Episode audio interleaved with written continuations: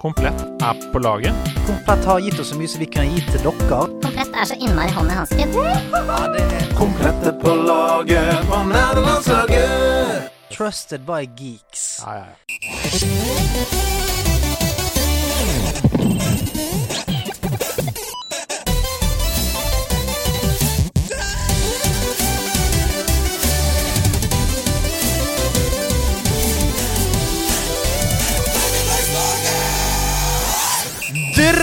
Til en glassblåser, få han til å blåse noe glass, ta med deg nevnte glass eller møbelsnekker og få han til å snekre en krakk. Dra krakken bortatt nevnte glass, så setter vi oss og lytter til nerdelandslaget. Mitt navn er Sebastian Brynstad, og rett overfor meg sitter han mann med den røde glød. Andreas Hedman. Rasmatas! Rasmatas! Rasmatas!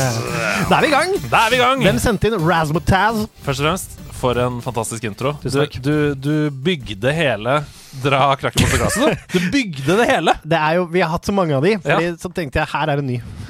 Ja, nei, det var veldig, veldig bra. Razmataz, det er sendt inn av meg sjøl. Det? Fordi det er jeg som har sagt det. Det er du som har sagt det. Uh, ukas catchphrase er min egen. Ja, ok. Razmataz det var det aller første jeg skrev på nederlandslagets Discord-server. Første jeg skrev. Er det det? Er det det første som ble skrevet òg? Razmataz det var det første jeg, jeg skrev. Og det, den dagen den Discord-serveren ble oppretta. Og det er nøyaktig tre år siden! Denne uka! Nei, men gratulerer til Discord-serveren! Gratulatore til den Discord. Ja, så. så på mandag denne uka her så fylte Discord tre år, og også min melding Razmataz, som, eh, som folk umiddelbart skrev sånn Det er vel ukas catchphrase? Razmataz? Ja, det, det er jo det, da. Det blir det. Og det er rørende. Det er altså 8760 medlemmer der som hver eneste uke spiller sammen, som blir venner, som beriker hverandres liv. Det er eh, Tenk at vi sitter her tre år etter og er nesten 10 000 mennesker. eh. Det er ganske spesielt å tenke på, ja. Ja. Uh, og at uh, de er venner. Vi er venner. Alle er venner. Bare pga. en podkast som begynner episoden med å bygge glass og krakk. Kjenn din Prøysen, sa alltid far min. Han klappa til meg, og det var kar... Nei, nei, nei, nei, han var god far. nå ser man hvor langt du har kommet pga. det. Det har man gjort. Det bygger karakter. Det til bygger alle karakter. det greiene fedre og mødre der ute, si det til barna deres. Kjenn din prøysen. Ikke klapp dem. Nei, jo, klapp dem, men på snilt vis.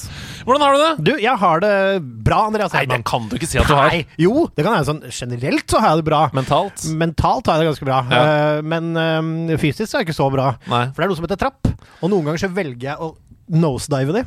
Eh, Og da gjør jeg alt for ikke å slå huet. Ja. tar jeg kassa, som sa folk, Ja. uh, på et uh, slags rekkverk nederst med etter å ha gått på knærne ned noe greier. Uh, relativt vondt. så Tatt et par ribbein. Du har knekt to ribbein, og det var rett og slett fordi du opplevde lag in real life.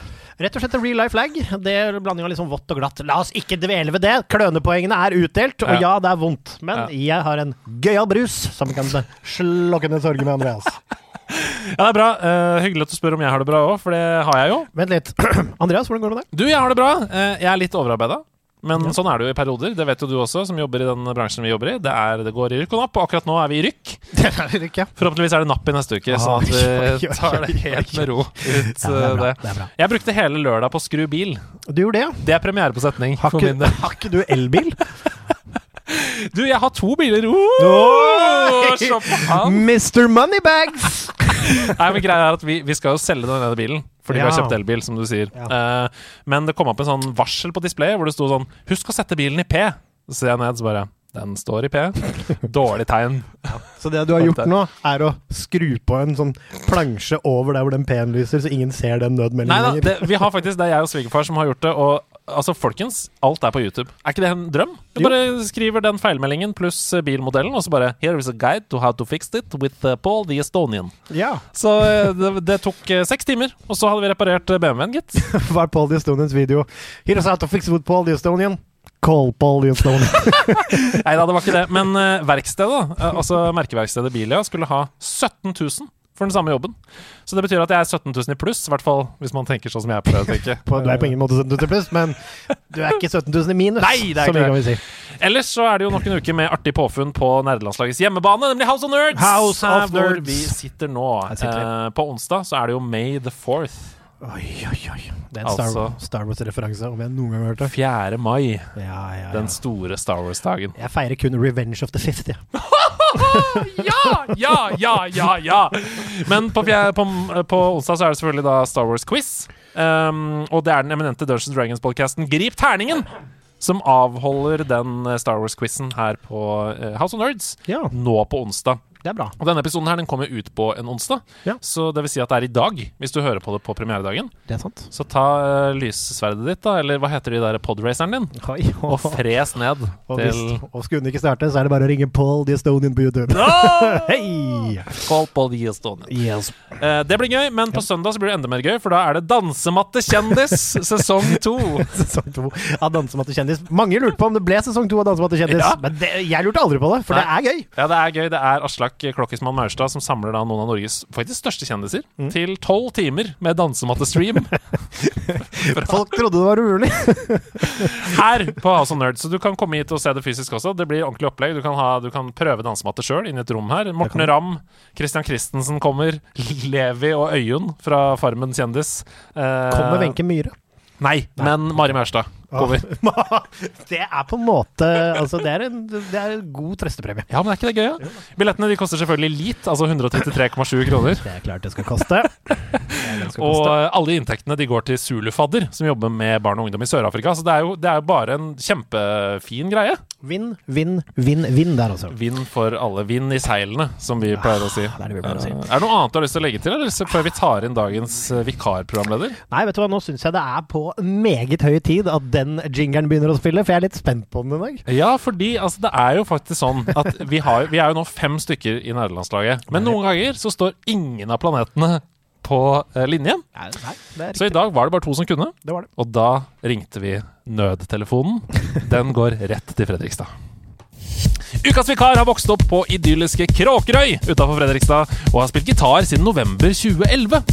Det førte henne inn i nydelige bandkonstellasjoner som Foxy Leopards og Valpefett, der sistnevnte hadde en legendarisk photoshoot som involverte voksenleketøy fra Karma Erotica Shop. Det meste vinnerverdige YouTube-klippet av Ukas vikar er når hun synger Stand Up and Shout, og hun skulle gjerne ha jamma med både Ace og Mick Mars hvis hun hadde fått muligheten. Ukas vikar hun er programleder og produsent i Spelledåsene, men er ikke fremmed for å stille opp i andre podkaster også. Hun har nemlig vært med i både Nerdelandslaget og Sidequest før, men også Rad Crew, Hobbyhjørnet, Muskelnerden og Spillpodden har denne gledespiken hatt gleden av besøk av eh, en slags energibombe fra Østfold, tror jeg vi sier. Ta vel imot jenta som har Jedi-orden som din trosetning, har fått klem av Mark Hamill og vasker seg med Star Wars-såpe fra 70-tallet. Kit Granholt! Ja, ai, ai, ai, ai. der er hun! Der er hun og Kommer- vasker seg med såpe fra 70-tallet! Oi, faktisk innsåpt i såpe fra 70-tallet. Men eh, hvor har du fått den informasjonen fra? Det lurer jeg på. Hvem er synderen? Det er internett, altså. Alt Er dette er det det? tilgjengelig på internett. Og jeg sa det i stad, at internett er mye brukt. Sa jeg. Internett er livsfarlig. Fy søren. Nei, det altså. er, dette er åpen informasjon. Det var en slags sånn bandprofil der hvor du har fylt ut noe sånn eh, hva er din, Hvor lenge har du spilt gitar på Oi. internett? Og så var det noen gamle Facebook-bilder av noen såpe fra 70-tallet og noe greier. Ja, ja. Det er, alt er 100 sant, dessverre. det er det. Ja. Jeg syns det var helt nydelig. Ja, det, jeg syns det var helt fantastisk sjøl. Det, det var så mye jeg hadde glemt om meg sjøl, så fint med en liten recap. Ja, det er bra. Det er bra. Men, altså, følte, følte du at du møtte deg selv i døra nå? Liksom? Ja, Altså, jeg gjorde det. ja. Ting du, hadde du fortrengt det mer enn at Ja, okay. egentlig. bra, Mm. Jeg håper ikke folk liksom går på internett nå og prøver å finne klipp hvor jeg spiller gitar. Det kommer noen til å angre på. Ikke gjør det. Ja, bra. Det er Ja. alltid det lureste å si. Ikke google for da googler ingen det. Ikke gjør det. Please! Internett går varmt uh, as we speak. Det- Um, Nå veit de, ikke hva- nå vet de ikke hva de skal gjøre der borte på dobbelt, dobbelt, dobbelt, for nå koker det i telefonen. Nå koker klokkene der borte. Who the fuck is this Kit Grainholt, and why is there fucking guitar solo so fucking Spiker på Google. Søk Kit Grainholt Rett opp. But, but look at it, sir. She shreds like fuck, man. NFT og sånn går bare ned. Kit Granholt søker mest søketerm. eh, Shit, noen må minte den soloen med en gang. Oi, oi, oi! Men nå er det to av oss som har fått æren av å svare på hvordan vi har det. Ja, Hvordan har du det? jeg har det dritbra. Ja! Ja, jeg har Oi, det. shit, det er, vet du hva? I Norge så er det veldig uh, uvanlig at folk sier rett ut 'jeg har det dritbra'. Man pleier å si sånn 'nei, det går greit', og, for å ikke liksom være så Så derfor er det veldig forfriskende. Hva er det som gjør at det går så dritbra med deg? Jeg er ferdig på skolen. Gratulatore! Ja, jeg ble ferdig i går. Hva har du blitt nå? Kystlos? Ja. Var det det? Nei, Hva har du blitt? Fortell nå. Uh, jeg har blitt uh, fattig. i hvert fall. Ja! Uh, det blir man jo når man Ja, man studerer. Eh, nei, jeg har tatt en bachelor i historie. Ja! Det er jeg ferdig med. Jeg hadde siste eksamen i går, så jeg Wow. er jævla lykkelig. Hvordan gikk det? Nei, det vet jeg jo ikke. Nei, Det, ikke svaret ennå. men det, det gidder jeg ikke å tenke på. Magefølelsen er grei. Helt grei. Helt grei. Er. Så nå blir du historiker. Ja. Hva er liksom hovedinteressen innen historien? Jeg skrev eh, bacheloroppgave om Svalbard. Eh, Oh. polarpolitikk, på en Ja. måte. Det er jeg Wow. veldig interessert i. Polarpolitikk. Mm. Ja. Men uh, det er noen utrolig fascinerende nedlagte gruver oppi der, som man kan drive og Mm. ta Ikke minst Pyramiden, som er en nedlagt russisk uh, gruveby. Pyramiden er helt fantastisk. Se at man har lyst til å dra dit. Jeg prøvde å Ja. selge inn en realityserie en gang som skulle spilles inn i pyramiden. Ja, Hvor de skal bygge byen på nytt. Nei, hvor de skulle forsvinne i gruven og sånn. Altså, det skulle være helt sånn horror-messig. Ja, ok. Ja, Veldig gøy. Men det er veldig dø sånn eh. Det Det er veldig sånn når man har spilt The Last of Us og sånne ting, og når Ja. man ser Pyramiden, så Yes. jeg er helt enig. Det Mm. føles spot on som uh, kulissene til et spill. Ja, det gjør det. det, gjør det. Det er akkurat det. Ja. Mm. Metro, hadde, metro! De hadde kunnet hatt et spill i pyramiden. Der er du god. Er Et god. pyramidespill. Oi! Og vi er i gang! Vi er i gang! Yes. Shots fired! Nei, det var latter. Jeg Jeg fikk latter pyramidespill. Jeg fikk, eh, jeg fikk latter på pyramidespill. Du fikk det. Bra. Men eh, Kit, hvem er du? Eh, Hvor kommer du fra? For de som ikke har hørt episode 89, tror jeg det er, der hvor du er gjest. Oi, du huska det? Det er ikke dårlig. Nei. Eh, jeg er Kit fra Fredrikstad. Jeg er Mm. programleder i Spelledåsene. Vi har fortsatt tre jenter som lager en gamingpodkast som jeg har holdt på med i tre år. Eh, men akkurat nå, som samfunnet har åpna litt igjen, så må jeg egentlig si at vi har vridd oss litt mer til ikke bare gaming, men eh, litt andre ting vi driver med òg. Som å Ja. dra på konserter og livet, liksom. Ah, deilig. Mm, Det har jeg også savna. Har du vært på konsert siden det åpna igjen? Ja. Mm. Senest i helga. Blitt 40 år. Eh, det var helt rått. Det eh, så jeg noen stories fra. Det så veldig bra Men liksom tre timer krøstepunk. Det var veldig gøy, men jeg har blitt litt for gammel. Ja, Akkurat litt for gammel. Ja. Litt gående etterpå. Men det var veldig gøy, da. Å komme tilbake til gamle trakter. Men du og mange nederlandslaglyttere var på Ghost i helgen. Ja. For det var jo flere som møttes her på House of Nerds først, og så gikk til Spektrum da, for å Mm. se på Ghost. Var det fett, eller? Det var helt sinnssykt. Det så helt crazy ut. Det var en kirke, liksom, Ja, på ja, det var altså det bandet der, altså. Det, jeg er tom for ord. Mm. Det var helt amazing. Ja, det var helt fantastisk, eh, fantastisk. Nå har vi etablert hvem du er, og hva du liker å drive med, og at du har vært med i et rockeband som heter Valpefett. Um, Ja. Spilte varma de opp for Ghost, eller? Punk var det. Nei, eh, men uh, hadde vi fortsatt, så hadde vi gjort det. Så det, Klart. Det er det, var, det var jo veien vi gikk det rett opp. Ja, det er, det er veldig bra. Dette er fra, fra Valpefett til Spektrum. Valpefett til Spektrum. Altså, jeg vil se den plakaten. Ja, selvfølgelig. Nei, det er veldig gøy. Vi er jo en spillpodkast, så spørsmålet mitt eh, henger jo selvfølgelig løst i luften. Hva har du spilt siden sist du var her? Og det er faktisk nesten nøyaktig 14 måneder. Det, det var Ja. 1. mars 2021. Så det vil si at um, 2021 og, og hittil i 2022, da, sånn cirka. Mm. Mm. Eh, jeg skulle ha spilt mye mer, Ja. det skulle jeg. Men som jeg akkurat sa, så har jeg jo hatt siste året på skolen. Så Ja. det, har, eh, det, bli, det har gått utover gamingtida mi. Det er helt forferdelig, men sånn er det jo. ja, og sånn er det, for da skal jo kanskje også to år tas igjen i løpet av ett år, hvis man ikke har vært så strukturert de andre årene. Men du er jo strukturert type. Ja, jeg er, jeg er superstrukturert. Du er jo det. Jeg har en sånn liten rød bok som Celine og Lise ler så ille av, for at de, de kaller den for Maos lille røde. For der er liksom hele timeplanen min dag for dag for dag. Wow. Eh, men eh, jeg, har jo, jeg driver en spillpodkast. Jeg har jo spilt, men eh, jeg har lessa litt mer arbeid på Celine og Lise. Det har jeg. Ja. Eh, men jeg tror det første spillet jeg begynte å spille etter at jeg var her sist, som jeg egentlig ikke hadde så veldig store forhåpninger til, det var Sackboy. Ja! Er det det det heter? Ja. A Great Adventure. Ja, som vi er kaller det for Nutsackboy i vår podkast. Hva Kaller det for Nutsackboy. Men hva heter det det? Heter det, det er ikke Little Big Planet? Jo, det heter Sackboy. A, a Little Big Adventure, kanskje ja, det heter. ja, det tror jeg Det er A. Little Big Adventure er med Ja. twinsen. Ja, men fordi det er jo ikke Nei, men det er Sackboy, kolon, A Little Big Adventure. For det er på en måte en Ah. avart av Little Big Planet-serien, tror jeg det heter. Men, men det er på Må du følge PS5. Så det betyr at du, du casually nå legger på bordet at du har PS5, da. Eh, Ja, den har jeg hatt over et år. Det, Det første jeg spilte etter at jeg var her, var Sackboy. For sånn Jeg har PS5, ja. Han har tid til å spille!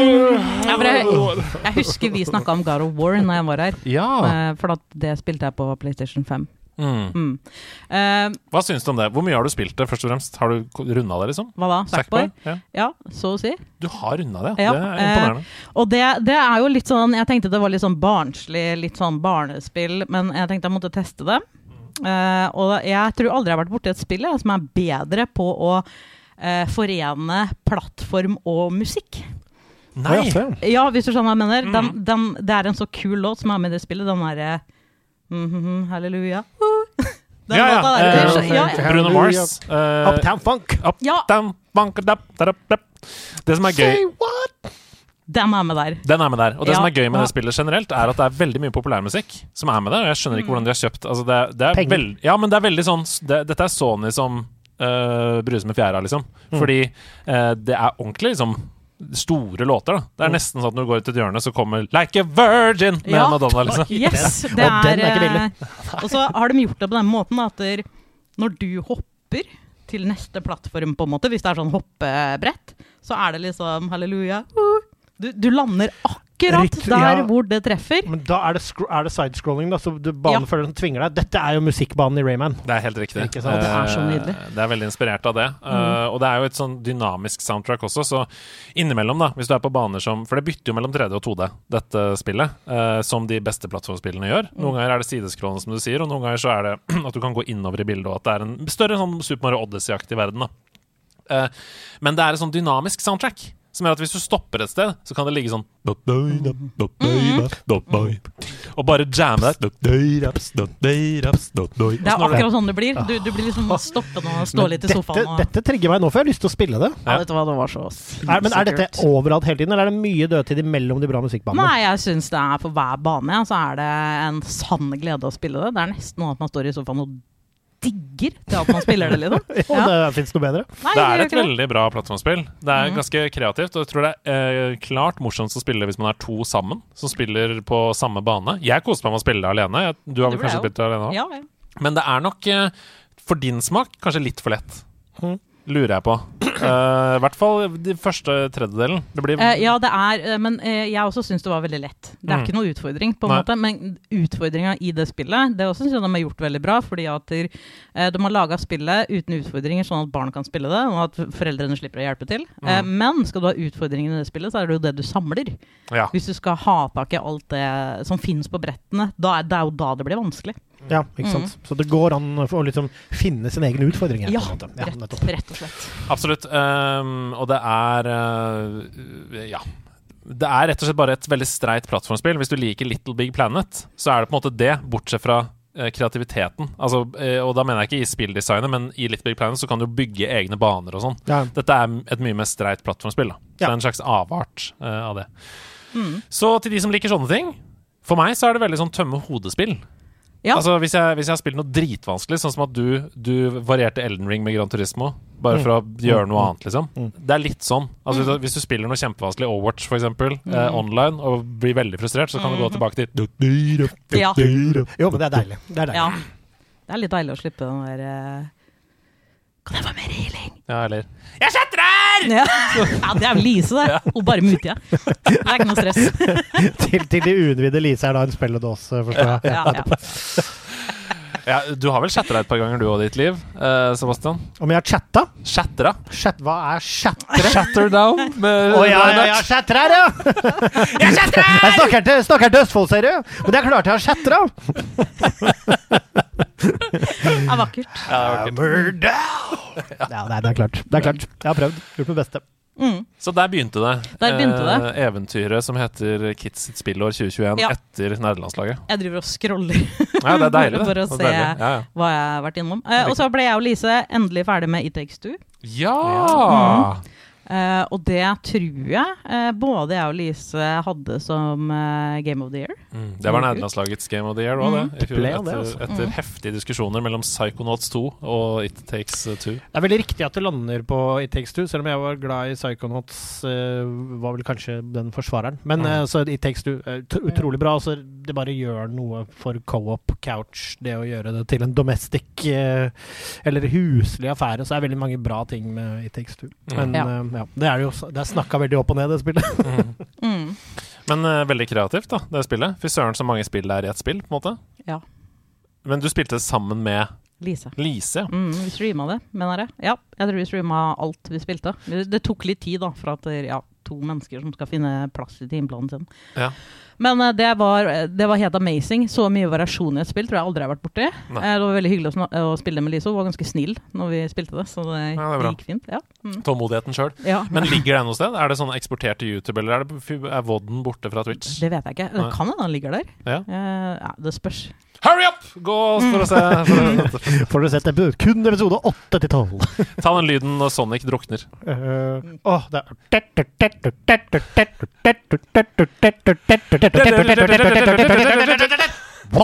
Hvis du kan skynde deg for å gå og se Mm. It Takes Two på Twitch. Kan. For dere der hjemme som ble stressa nå og tenkte på Sonic, beklager det. Det var ikke meningen å ødelegge Nei, dette skal være et safe space. Det skal ikke være ja, ja. Et safe space. Oi, oi, Jeps. Jeps. Har, du- har du flere slots på memory cardet ditt, spør jeg. Ja da. Ja da. Uh, jeg bare lurer på uh, Vi hadde et jentelan. Uh, og da uh, Jeg er litt Ja. usikker på om jeg var her før eller etter det. Ja, godt spørsmål. Hva var det som skjedde på jentelandet? Eh, nei, vi, vi rigga jo opp alle PC-ene våre og sånn. Mm. Eh, og min PC starta jo ikke, det er jo så jævlig typisk. Eh, men eh, når vi endelig fikk PC-en min i gang, så tenkte jeg nei, vet du, jeg setter meg i stua og spiller litt Returnal. Ja Og så satte jeg meg aldri på PC-en igjen. Nei. Jeg spilte Returnal hele landet. Og det var en helg, eller? Ja. Så det har jeg spilt uh, sinnssykt mye. Fikk Celine over på den bagen òg. så det har jeg brukt masse tid på, men jeg kom ikke noe videre. Så jeg har liksom lagt den ballen død. Men det har jeg brukt mye tid på. Så. Jeg husker ikke om Jeg har snakka om det sist gang. Men vi kan gjerne snakke litt mer om Returnal, fordi det er tre stykker rundt dette bordet som har spilt Returnal. Mm. Ingen Uh, tvil om det. Hvilke, hvilke, hvor, hvor endte dine dager? Eh, For godt. mine dager endte på Prike, altså. Ja, første Fordi- Ja, eh, men Det har jo kommet coop-versjon nå, men jeg har jo ikke hatt mulighet til å spille det pga. skole. Men jeg og Celine har en plan, eh, for hun har, hun har kommet til boss 3, tror jeg. eller sånn. Mm. Eh, så vi skal prøve å spille det coop også. Men det er en terskel i Returnal som er litt sånn Når du kommer deg forbi Prike, så er det mye lettere. Det, jeg, jeg vet ikke, i hvert fall opplevde jeg det sånn. Ja, okay. Jeg brukte lang tid, uh, av en eller annen grunn, for å, sånn som du også kjente på, da, Ja, for å komme meg forbi der. Og det kan hende at det var fordi jeg ikke skjønte spillet helt. Altså Jeg var litt underpowered og sånn da jeg kom til bossen. Men da jeg, da jeg klarte Prike, har du sett noe videre etter det?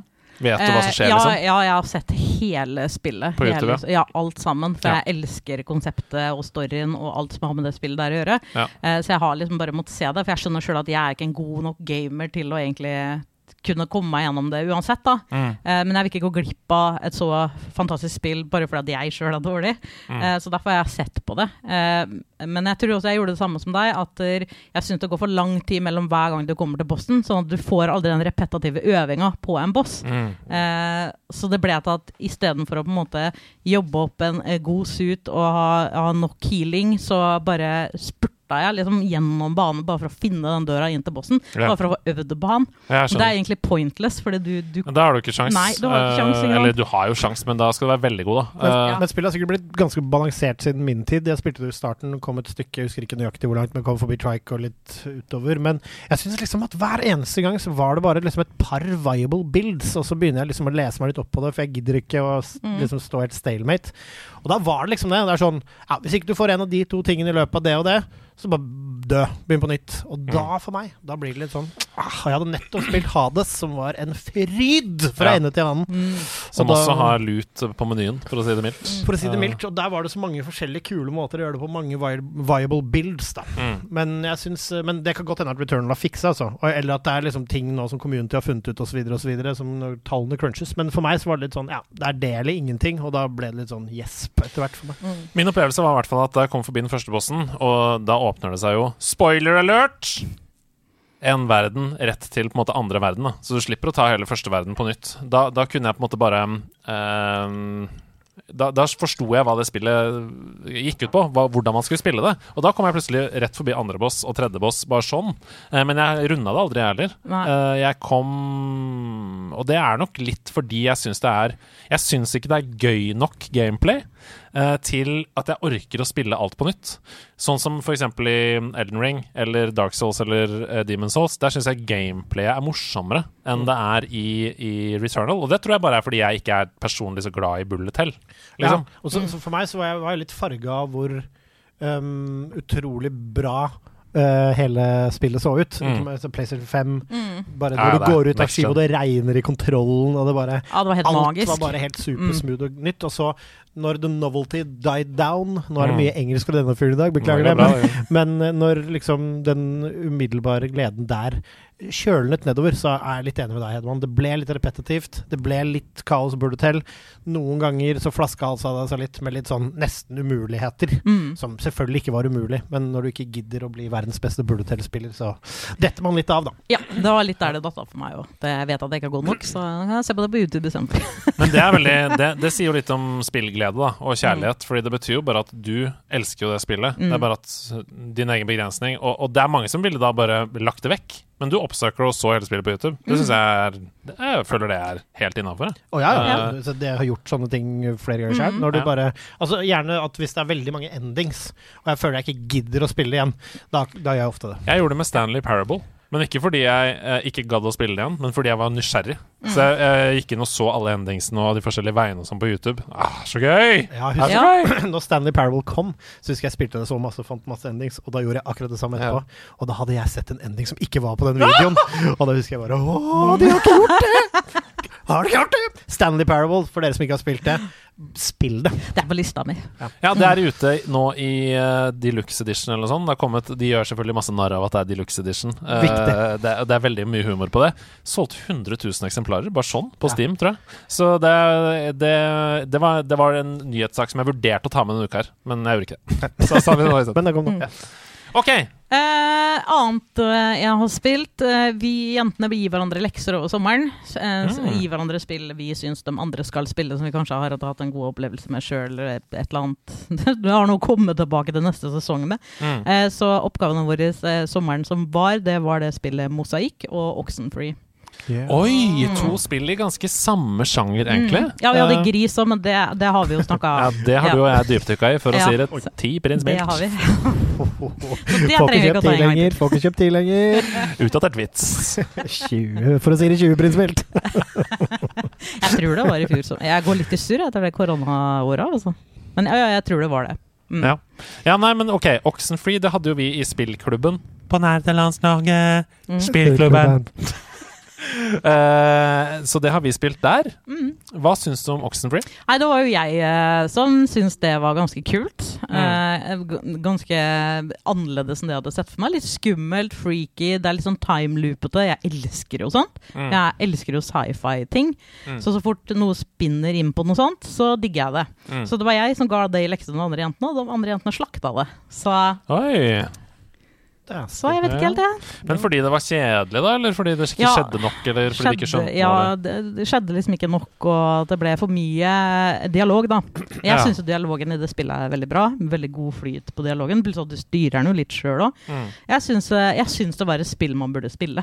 Jeg syns også det, og jeg syns også det er mer gameplay i det enn Mm. i tilsvarende andre spill. Uh, altså Det skjer litt funky ting. Uh, man utfordrer litt uh, tyngdekraften og lovene i, for universet og sånn, som gjør at det er litt mer spennende da enn bare en helt tradisjonell walking sim.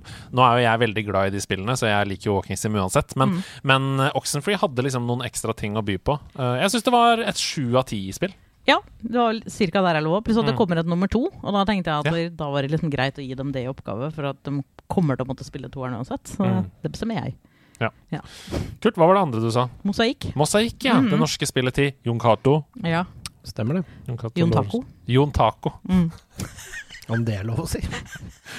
Ja, lov, ja, det er lov å si. Det, ja, ok, bra. Mm. det var jo ikke Jon Cato-spill, men, men Nei, ja, eh, jeg skjønner hva du mener. Ja, han jobba i Hva heter det selskapet igjen som Krillbite? Ja, Krillbite, Mm. da de lagde det. Så derfor så sier jeg det er lett å hekte Mm. det på Jon Cato. Har du hørt om det? Mosaikk? Ja, Jeg har hørt om det, uten, Mm, at jeg, mm. Uten at jeg kan beskrive det. Ja. Fortell. Vi er veldig glad i å eh, backe norske spillutviklere, selvfølgelig. Så er det norske spill, så skal vi selvfølgelig spille dem. Eh, og det er jo spill vi har hørt veldig mye om, pluss at vi hadde hatt eh, Jon Taco som gjest i podkasten vår også, så følte at vi måtte spille det. Nei da. Eh, men det er et spill som egentlig handler om den kjedelige hverdagen.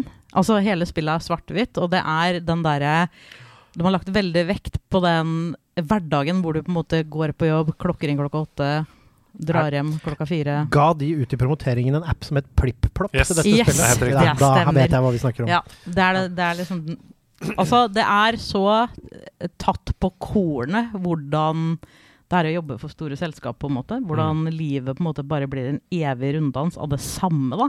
Det er min største frykt her i verden. Å ende opp som det spillet. Så når jeg spilte det spillet, så fikk jeg litt sånn Eksistensiell krise. Eh, ja, litt sånn spark i ræva. At det her må jeg aldri la skje meg. Det er et ganske vondt spill. Og det er jo det som er så Jeg elsker å spille som gir meg en følelse. Akkurat som musikk, på en måte. Det skal gi meg en følelse. Om det er glad, lykkelig, redd. Men tror du Eh. dette er en forsi forsikringsagents yndlingsspill? Skjønner du hva jeg mener? Altså sånn En som jobber i sånn gigantisk forsikringskonglomerat for Price Waterhouse Coopers, bare Tjohoi! Ja. Storkoser seg. Problemet er bare at uh, dette spillet er jo ekstremt monotont. Eh, og det skal det være. Det er poenget med spillet. Uh, og det å ha en hva skal jeg si, repetativ jobb, det er én ting. Men livet til hovedpersonen her, det er jo veldig, veldig trist. Ja. Det er en helt kliss stilren leilighet på ett soverom som er mikroliten. Det er ingen skarpe kanter. Og det er liksom sånn Du pusser tenna på lik måte hver Mm. I et speil som ikke har noen flekker. Altså, det er bare Det er så uh, Alle breva er i kassovarsler. Og alle meldinger du får, er sjefen som sier at eh, du får ikke lov til å komme for sent. Ja, Altså, Og det er sånn det er eh, nitrist. Meldingene du får, er sånne automatiserte effektivitetsrapporter. Som er sånn Mm. Du er 12% mindre effektiv enn forrige måned. Mm. Eh, Det er så deprimerende. Så bra. Og, og vi spiller det fordi For, for egentlig, ja, det lurte jeg på. Jeg kan tenke meg at den som ikke skjønner noe bakstory, eller liksom på en måte har, kanskje har levd et sånt liv, eller på en måte ja, er dette, skjønner Så, så vil jeg nok tro at de tenker at det spillet her er helt sinnssykt kjedelig, men hvis man hvis man eh, er litt oppegående Nei da. Men, men det, det jeg lurer på, er, er, dette, er dette en kunstinstallasjon? Er det mer enn det er et eh, spill du egentlig skal kose deg med, kanskje? Ja, og så er det en eye-opener. Ja. Mm. Ja, det er, en, det er eh, et spill som er his veldig historiedrevet. Det er ikke noe særlig gameplay å spore her, bortsett fra når du driver og følger etter en sommerfugl Ja. uh, og skal hoppe over noe ting og greier. Fordi det er jo Flott. spor av farger her, ikke sant? Ja. Innimellom så forstår du hva livet handler om, før du går tilbake igjen til det monotone hverdagen. Men det lukter jo kanskje break the mold i slutten av spillet her, eller uh... Vil ikke spoile noe, eller? Nei, Nei. kanskje ikke. Nei, kan ikke spoile. Nei, Jeg- altså, jeg, er, jeg er, intri er intrigued. Jeg syns det høres spennende ut. Jeg syns det er skummelt, fordi jeg er redd for å havne der, jeg også, som du snakker om. Mm. Uh, Og du er, altså du Andreas, du har en nakke for Excel-ark. ja, absolutt. Du er god på org. Ja, ja. Altså, Kit du, og jeg, vi, er, vi har Maos lille røde, begge to. Ja. altså dere, dere ser Dere er veldig folkelige og blide folk nå, men altså, dere er en hårsbredd unna å jobbe på Price Waterhouse Groupers. Mm, det er akkurat det. Det er derfor jeg måtte spille det spillet, for å kutte, kutte det. Den dagen du ser meg i slips på jobb, så stram det slipset skikkelig godt rundt halsen min. Kast det opp i takvifta og la deg snurre til fornuft. Gjør det sakte. Stram det slipset sakte helt til jeg ikke Mens jeg ser deg inn i øynene og sier. OK, Mosaikk og Oxenfree. Ja. Hvor går Eh, veien videre? Eh, veien videre Ja, jeg hopper litt uh, fram og tilbake her, men eh, jeg husker ikke om jeg har snakka om det heller. Men jeg har spilt et spill som heter Life is Strange. Oh, det første? Eller eh, hva er det det Nei, går ut på? True Colors. Ja, du har spilt True Colors! Ja, det det er det ingen av oss som har spilt. Så det, og jeg elsker jo Life is Strange, både én 1 og 2 og eh, Before the Storm. Mhm. Jeg har spilt alle de tre, så at jeg ikke har spilt True Colors, er veldig rart, for nå ligger du på GamePass også, gratis. Oi. Ikke gratis! Jeg får alltid kjeft hver gang jeg sier det. Inkludert i den Ja. månedlige avgiften du betaler for å ha GamePass. Så godt som gratis hvis du spiller nok. Jeg har ikke spilt det! Hvorfor skal jeg spille det? Nei, du skal ikke det. Ok. Ferdig! Her er passet påskrevet. Vi går videre. ja. Eh, ja, jeg elsker Life is Strange. Ja. Uh, de første spillene syns jeg var fantastiske. Uh, Mm. Jeg syns det spillet her dessverre er for langtråkig. Å ja. Tråkig. Nå sier Å ja, så det tar seg sjøl for høytidelig, på en måte? Altså det blir Det, det blir for mye i- gåing og liksom Og jeg spilte også det spillet her på LAN, faktisk. Eh, og da var det jo noen av jentene som tok seg en pause fra Overwatch innimellom og satt i sofaen og så på at jeg spilte det på TV-en, og de bare Går du ennå, liksom? Ja. Hver gang jeg de Går du på ja, går, går du rundt ennå, liksom? Det ble, det ble litt for mye gåing og, og ting og tang. Jeg syns storyen ikke var sånn men jeg vet ikke, jeg kanskje har blitt litt skada av eh, alle spillene jeg har spilt, som har så utrolig gode story, som har en plot twist som litt sånn Jo, men den Altså- siste tida der så er det klart folk blir bekymra for deg. Nå er du bare ute og går, og før det så var det liksom mosaikk. Hvor Ja. det ja. Bare gikk og gå, li- gå, gå, gå Hva er det jeg driver med? Går det bra med deg, Kit? spurte folk i Fredrikstad. Hvordan går det egentlig med deg? Skal du være med ut og se på Fredrikstad-kameratene spille og ta en pølse i vaffel? Skal du bli med på det? Skal vi få deg noe øl, Kit? spør de. Det er ikke så vanskelig. Det er Fredrikstad Ullkisa det på Du spytter ikke glasset, du, Kit. Nei, Oi, oi, oi. Nei, men uh, Så du anbefaler ikke True Colors? Nei. Uh, jo, altså Nei, altså Hva skal jeg si? Ja, det er ikke verdens mest ræva spill. Det er ikke det jeg sier. Gi den det, er ikke, det er ikke den beste av, dem, av den serien. Hvis ingen har spilt de spilla før, spill dem første. Har du spilt Tell Me Why? Ja, det har jeg også. Hva syns du om det? Det er bedre. Ja, for jeg er enig. Det var det, Nå skulle jeg anbefale deg det istedenfor Ja. True Colors. Nei, jeg har men spilt det òg, men jeg var litt sånn skuffa der òg. ja, over slutten, eller? Ja. over- Ok, ja, Da må du ikke sånn- spoile, for det er ikke kommet til ennå. Life Nei. is Strange, det er, litt, det er de Heavy Rain-type-spillene, ikke sant? Å, Heavy Altså, Rain er dritbra. Heavy Rain Det for et spill! eller? For et spill, Det er bra, eller? Og, Det er bra, og den taxidermy-episoden med han utstoppemannen! Det er det Men skumleste. Det, altså, hvis, jeg mener at Heavy Rain er en av mine ti av ti spill. Eh, så er eh, True Colors er jo eh, tre av ti, liksom, i forhold. Mm. Men Heavy Rain står for den morsomste glitch, en av de morsomste glitchene jeg vet om. Gå på YouTube og søk på Heavy Rain Shaun. Eh, Ja. Det er en glitch på slutten av Det er litt spoilete, dessverre, men gå og se Heavy Rain Shaun-glitch, hvor du uendelig kan rope Shaun. Shaun! Det er altså så utrolig morsomt, for du kan rope det gjennom hele brettet i alle situasjoner. Og, det, og jeg ler så hysterisk av den glitchen. Jeg har hatt den selv, og det er så gøy. En annen ting som er fantastisk med Heavy Rain, det er jo Press X to, to Jason. Som dere kanskje husker. Ja, er det det? Er det Jason, Ja, det er kanskje kanskje? det er fordi du går på et kjøpesenter, og så skal du rope Ja. 'Jason! Jason!' etter sønnen din. Ja, og det er kanskje Jason det er, ja. Ja. Ja. Og så Ja. presser du X to Jason. Er, det ikke Shaun? for jeg, Altså, jeg, jeg tror det er begge deler. Eh, fordi Press X to Jason, det er når du går etter sønnen din på kjøpesenteret, og så, Den og så, ballongen. og så roper du 'Jason! Ja. Jason! Press- Jason! Jason!' Glitchen er press X to Sean, ja. Sean! Det er gjennom hele Sean! Sean! Sean! Det, altså, jeg ler ordentlig, for det gir seg aldri. Og du kan trykke og trykke og trykke og sånn. Det er sånn, Du ser at Sean ikke er her nå! Du ser det, men han bare gir seg aldri hysterien rundt Sean. Ja, det, samme med, det samme med Jason. Jason er det lille barnet. Ja. Du kan altså rope 40-50-60 ganger. Det bryr seg ikke. Bare løper foran deg. Ja, men er ikke det litt sånn som å ha unger? da? Hva sa du? Er ikke det litt sånn ha unger? Jo da. Men det holder kanskje med tre ganger, og ikke Ja, det- 60. ja. Jason! Jason! Jason! Sean! Ja, jeg vil se en mashup av de to. Nå kommer alle småbarnsforeldre etter deg. Nei, det er ikke nok. Det er ikke nok. Ok, hvor var vi? True Colors, ja. Eh, ja, ehm, eh, Luigi's Mansion 3. Oi, Har så jeg bra! spilt. Det har ingen i vår redaksjon spilt. Eh, og jeg er veldig nysgjerrig på det. Og grunnen til at ingen i vår redaksjon har spilt det, det er nok fordi jeg tror ingen av oss har et forhold til de originale Luigi's Mansion. Har spilt sp Spilte, var innom det første, men, uh, Ja. men det var aldri my cup of tea. Men nummer tre har jo fått veldig mye skryt som et bra spill. Hva? dritbra. Ja, Jeg, jeg ble kjempeoverraska. Det er vel liksom barnslig eh, type Du får det du betaler for. Mm. Men Nintendo, er det ikke det? Jo, men det er ikke sant, Eh, Mario Party er også ja. barnslig, men det er gøy for deg. Ja, det er kjempemoro. Eh, Jeg ble veldig overraska når jeg Mm. spilte det, faktisk. Jeg syns det var kjempeunderholdende. Er du tilbake uh, med støvsuger nå, eller? Ja, ja. Ja, ja. Jeg støvsuga alt jeg fant. Du har runda det? Mario Party 3? Nei. Nei, Mario Party 3! Hva er det jeg snakker om? Luigi's Mansion 3? Nei, Du har ikke runda det? Nei, ikke runda det. Stå bom fast på ved Ja. Nyxus-bassen. Store, store bo. Store Mm. bue. Men uh, hva, hva Ok, for selg det til oss, da. Hvorfor skal vi spille det? Hva er det som er gøy med det? Eh, Fordi man skal jo spille eh, alt av Mario eh, som kommer ut. Ja, det skal man jo. Man Det skal det jo det. Altså, det, det? hører liksom med i kartoteket som gamer, føler jeg. Mm. Eh, men jeg Men også dette er da hadde umiskjennelig Luigi, er det ikke det? Jo, jo. Men jeg hadde ingen forhold til de tidligere spillene. Mm. Det hadde ingenting å si. Det var kjempemoro. Akkurat som å sette seg ned med et, for meg, da, et ferskt Mario-spill. Ja. Alle vet jo hvor digg det er. Og, Ja, det er veldig sant. ja. Mm, så, og så syns jeg eh, layouten og sånn er jo på en måte helt litt annerledes, fordi at det tross alt er et Luigi-spill. Det er jeg veldig glad for at de har gjort. Mm. At det er, han har en egen historie, egne våpen, egne ting han gjør, som funker. Mm. Det er enkelt og greit et spill man bør spille. Nei, Så deilig, da. Det var så bra at du, før vi begynte å snakke, så var det sånn Jeg har spilt ganske lite siden, uh, siden øh, 20, Ja, men det 2011. er liksom ikke spill Altså Hadde ikke jeg gått på skole, så er det ikke sånne spill jeg hadde spilt. Nei. Nei. Hva slags spill hadde du spilt da? Hvis du... Det skal jeg fortelle, da. Ja. Uh, jeg har jo En av mine eh, toppspill ever, ever, ever, ever er jo Ghost of Tsushima. Ja, Oh. det er et av Sebastians favoritter. Jeg driver og pletter det nå.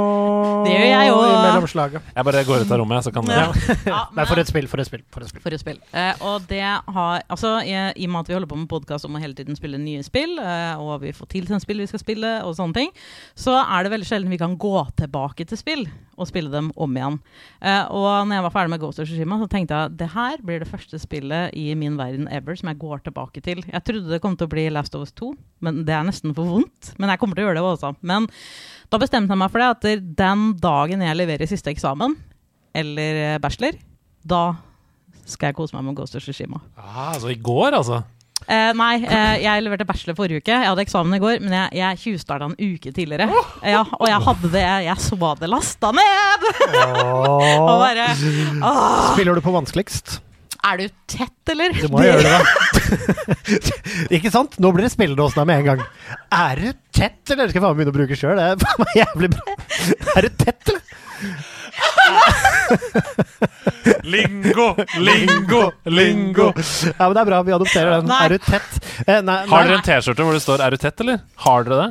Uh, nei, men det, Det- var en god idé. Det. Nei, men vi har en T-skjorte hvor det står Dark Souls og væ på. For Dark Souls og vin. nå. Å ja, Dark Souls og hva? Og, Ja. å, hva? Ta et glass væ. Og apropos, eh, hvor langt er du i Ghost? Eh, eh, jeg har akkurat eh, fått uh, Waterstands og Heavenly Strikes nå, så jeg, jeg er ganske Å, ja, du er tidlig, ute. tidlig ute. Ja, ja, jeg har jo begynt på det på nytt. Vil du ha en liten ting? Det er ikke noe Stories Party, men en liten kul ting. Ja, men jeg, har har, jeg har rundet runda det Å, før. du har det før? Ja, ok, jeg så er er bare i gang nå. Ok, tilbake bra. igjen på jeg husker ikke om det er DLC eller ikke, eller hvordan det funker, men du kan få Dark Souls armor. Eller altså Soulsborne, eh, Bloodborne armor i spillet. Er ikke så tett allikevel. Åh, shit!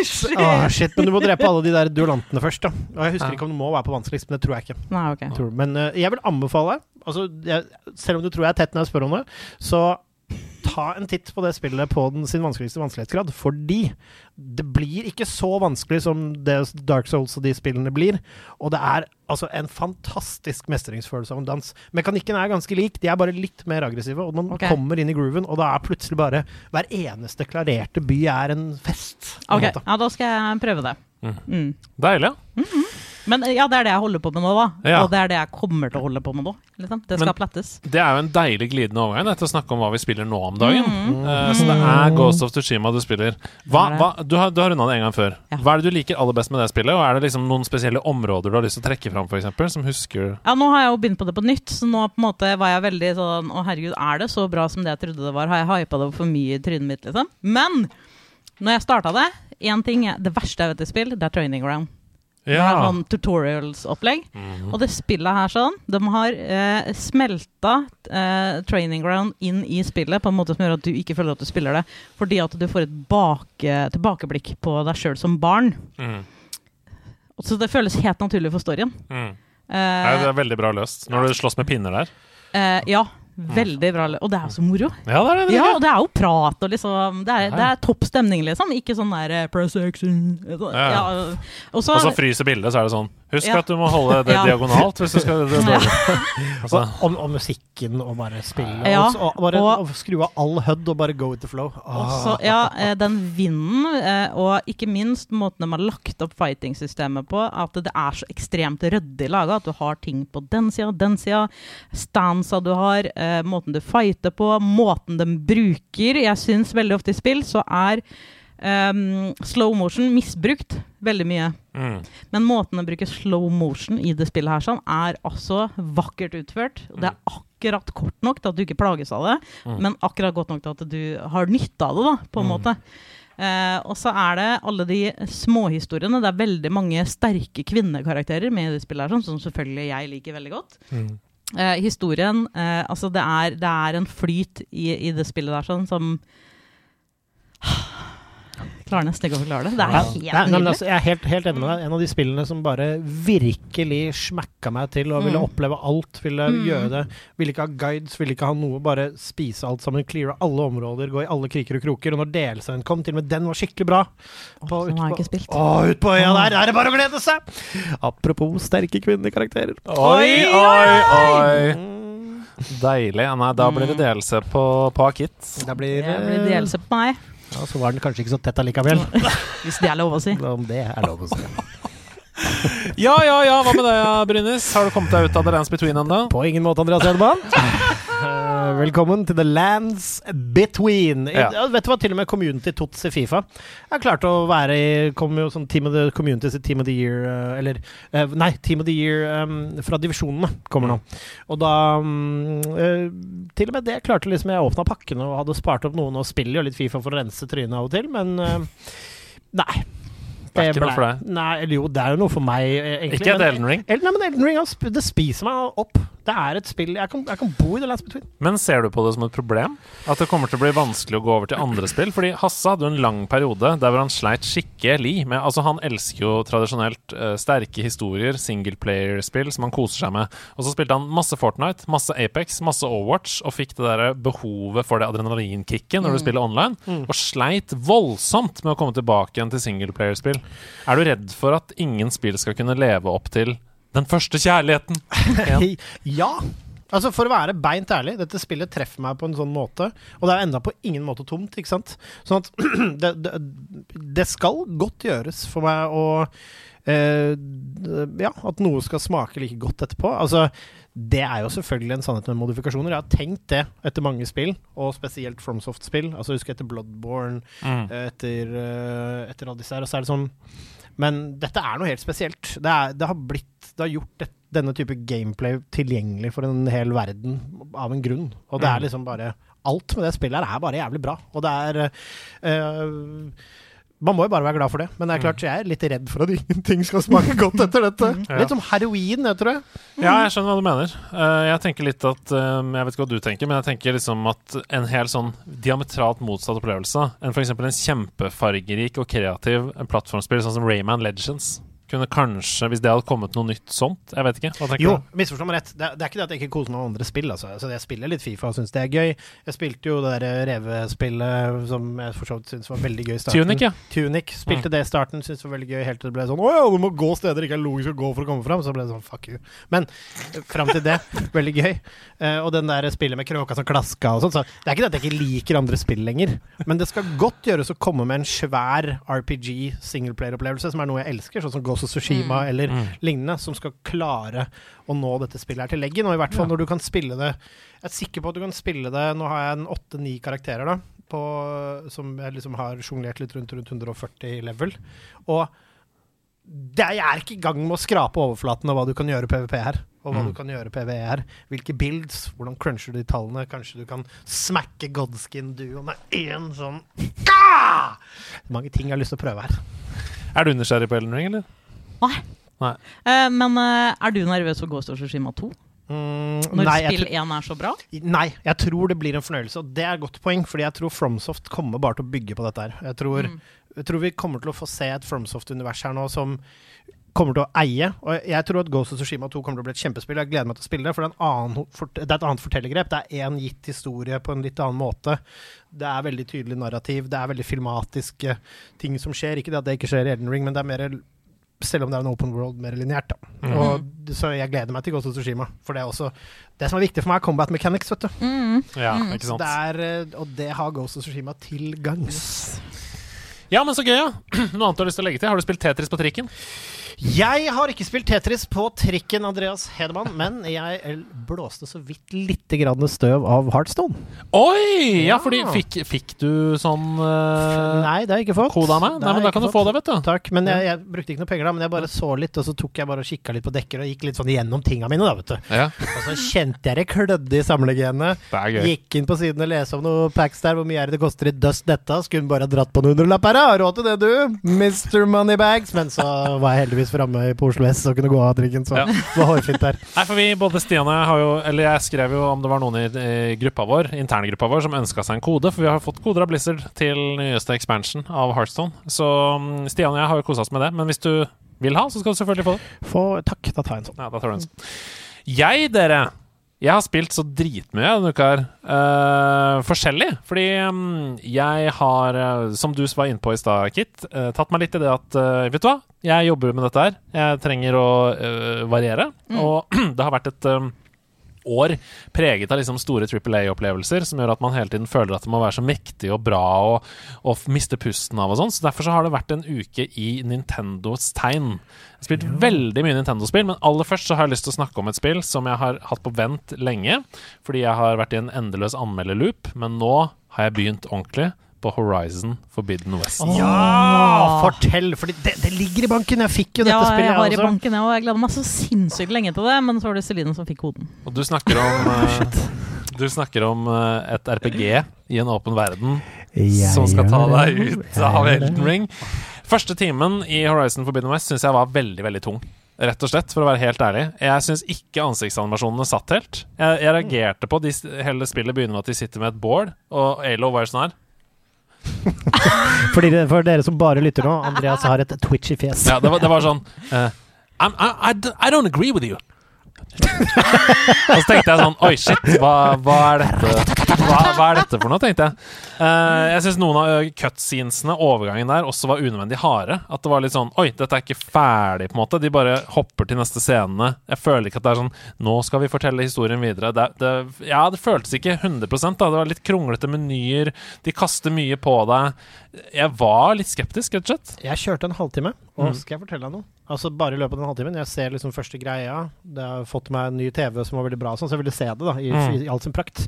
Uh, og det er jo pent, selvfølgelig, det er jo ikke det. Men jeg har litt samme følelsen, altså. Mm. Etter de første 30. Det er ikke det at monstrene du så der, ser veldig bra ut, men det var liksom bare et eller annet som var litt Uncanny Valley her, Altså. Ja, så var det noe TV-teknisk som var litt off. Ja. Altså litt historiefortelling som var litt off. Den første timen så Mm. kom jeg til hm? Det er bare ett spørsmål. Ja. Fordi en ting jeg alltid har hata med Aloy, som flere andre også i verden har kommentert, er hvordan hun snakker alt hun ser!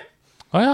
ja. Det har ikke jeg tenkt så mye over. Those bushes as berries. Wow, this looks like a cover altså, den der indre monologen hennes er så interessant til tider! Ja. These bricks are brown. Altså, det er helt på tur! Water is wet on my shoes. Oh no, birds fly. Det er sånn Aloy! Det holder nå! Det er greit!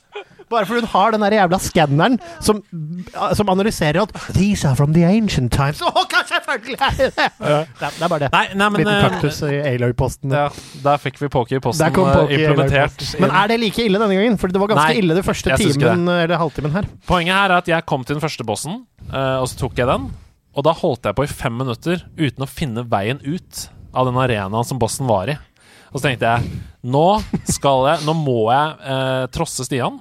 Jeg må skru av Explorer mode og sette på guided. Ja. Og da jeg gjorde det, så bytta jeg, jeg bytta mellom de modesene. Og da, det gjør jo spillet til en mye mer sånn tradisjonell Assassin's Creed open world. Du får markører, ikke sant? Med en gang. Elska det! Elska det! Jeg bare Åh, puste ut. Ja, det er dit jeg skal. Det er 600 meter den veien. Greit! Slutter Aloy da å kommentere så mye som hun gjør ellers? Nei, nei, hun gjør ikke det. Men, Hun gjør ikke det, nei. nei, men hun kommenterer mindre enn i det første, altså. Hun Ok, gjør det. ja, men men eh, det, er ikke, det er liksom ikke Det er ikke så mye annet enn det som skjer. Det er bare det kommer noen markører, sånn som at eksempel det at du skal hoppe opp og klatre, du skal klatre et sted. Da. Du skjønner det fordi pila på kartet er liksom den veien. Det er ikke noe mer enn det. Det er ikke sånn at den holder deg i hånda og sier Hvis du ikke går hit, så kommer det sånn bop, bop, bop, Du går feil vei. Det er ikke sånn. Nei, nei altså, for, for, altså Jeg spilte hele det første spillet med alle markers, jeg. Ja, ja. Fordi det, det Altså, jeg begynte på altså, Eller jeg husker ikke helt hvor mye HUD jeg hadde. Mm. Men forskjellen der er at det er så mye der, og som du sier, det er faktisk en del sånn innimellom, bortimellom og crossimellom og sånn, og da Ja. syns jeg det er greit å ha et 100%. sånt kart. Men i motsetning til Ghost of Tsushima, hvor vinden faktisk funker, da. Mm. Mm. Og er det én ting Stan Sakai Nei, Stan Sakai, nå skal vi høre Jin Sakai vet å, vet å by deg på, så er det å holde kjeft. Det ja. eneste han sier ofte når han er ute på tur, er 'kagge', som hesten min ble kalt. 'Kage'. Men morsomst er å rope på kagge, 'Kage', 'Kage'. Men plutselig så roper på kagge, så sier han 'hås'! Og det syns jeg er så jævlig gøy. Det er alltid sånn The of the comest flowers are growing up the ground. Og så er det plutselig 'hås!' når hesten skal komme. Det Ja, det har jeg ikke tenkt på. Det det- Du kommer til å le av det neste gang. Å, ja. Da jeg satte på de markørene, Unnskyld. så begynte uh, Horizon Forbidden West å klikke skikkelig på plass for meg. Og nå elsker jeg det ekstremt mye. Jeg er 100% investert. Jeg tenker på det hele tiden når jeg ikke spiller. Jeg gleder meg til å fortsette når jeg ikke er hjemme. Du vet den følelsen der. Du bare tenker sånn Å, det området der har jeg ikke vært igjen. Da har lyst til å utforske det. Sånn. Sånn er det nå. Og dette, i mye større grad enn det første, er jo dette et RPG. Ja. Fordi du kan jo bygge Og det er det ikke så mange som har fokusert på i sine anmeldelser, av det jeg har lest. Fordi du kan jo utvilsomt bygge builds. Altså Du kan bygge Aloy i ulike retninger. Det er kult. Hvis du har lyst til å fokusere på en ranged hero med de på en måte ultene, da, for hun har, hun har ults i dette spillet, Mm. som, eh, du, som bygger opp under det, så kan du gjøre det. Hvis du har lyst til å være mye mer brawler i nærkamp, så kan du bygge en karakter på den måten, f.eks. Hvis du har lyst til å være en som eh, stealthy hero, som bare legger ut feller, og, og liksom bare får disse maskinene og sånt til å gå i de fellene, så kan du gjøre det. Du kan bygge builds, da, og det digger jeg. Det er veldig, det er veldig eh, Hva skal jeg si Mye valgfrihet i det. Nå er det jo som alltid det blir med meg, da. Det blir en quality build. Det gjør det. Midt imellom. Alle skal pleases. Alt skal med! Jeg skal være litt god på alt. Det kan hende at den ene mekanikeren blir litt lei seg hvis den ikke blir inkludert. Det er vel lurt å ha litt trapping også, ja. Skulle ha utvikla trapper-pouchen, da, tror du, men Ja. det er jo dyrere siden man får gjøre det. Ja, jeg har litt healing òg. Men kan man i liksom, løpet av en standard playthrough her bli best i alt? Å ja, det vet jeg ikke, for jeg har ikke kommet så langt. Eh, men eh, det renner over med poeng, så jeg investerer i det treet som bare juling, jeg, altså. Ja. Uh, og det er jo fordi du får gjerne to skill points, for eksempel, for et, en sidequest, da. Som du kan putte i Ah. treet. Men det er jo sabla mange poeng i det treet. Jeg tror det er 30 ganger 7 eller noe sånt. 210 poeng eller noe som du kan investere. Det er, det er mye. Men eh, Eller enda mer? Jeg vet ikke. Uansett, elsker det. Så det gleder jeg meg til å fortsette på. Og så skal vi over i Nintendo-land. Okay. Fordi jeg spiller jo, som jeg fortalte om i forrige episode, har jeg dratt fram 3DS-en. Nintendo 3DS. Den spiller jeg på av og til også, Andreas. Det, for en konsoll! For, for en nydelig liten sak. Det er så deilig og lett. Den slipper du. Jeg orker ikke flere memes nå. Men, eh, men ja, den er nydelig lett. Og jeg spiller Pokémon Black på Nintendo 3DS. Um, jeg sa det sist at jeg har aldri spilt det før. Aldri spilt Black og White, da som var de spillene som kom da. Uh, men jeg ble inspirert fordi Scardoodle på, på Discord skrev uh, det er det vanskeligste Pokémon-spillet som har kommet. Det har ikke kommet noen vanskeligere før, og ikke etter. Og det var på meg sånn Ja, for det har jeg savna i Pokémon. Jeg har savna at det er for lett. Så nå er det faktisk på vei, Pokémon Black, til å bli et av mine favoritt-Pokémon-spill i den tradisjonelle stilen. Ja. Altså i den Du våkner opp i huset ditt, du må gå til en og velge en starter, og du skal bla, bla, bla, ut og fange dem mål. Men, men Pokémon Black har gått meg hus forbi. Ja, Hvorfor det? vet ikke. vet ikke. Kjempebra spill. Eh, Black and White kom til 3DS. Ja, Eh, Black and White, selvfølgelig. Herregud. Ja. Jeg tenkte ikke på Black and White. Mm. Herregud. det har ikke gått meg hus forbi. Nei, men det er gammelt, da. 2011? Jeg Eller sånn? har, jeg har det, bare at jeg har White. Ja, ikke sant. Ja, nei, Black and White, veldig bra. Det er utfordrende, som jeg sa. Det er det klart vanskeligste Pokémon-spillet jeg har spilt, og det er en bra ting. Eh, Det er bedre manus. Stå bom fast. det. Men jeg har dødd, da. Jeg døde på første gym. Oi! Bra. Ja. Bra å dø på første gym. Altså feinte og våkne opp i Pokémart der og bare pling, pling, pling, pling, pling.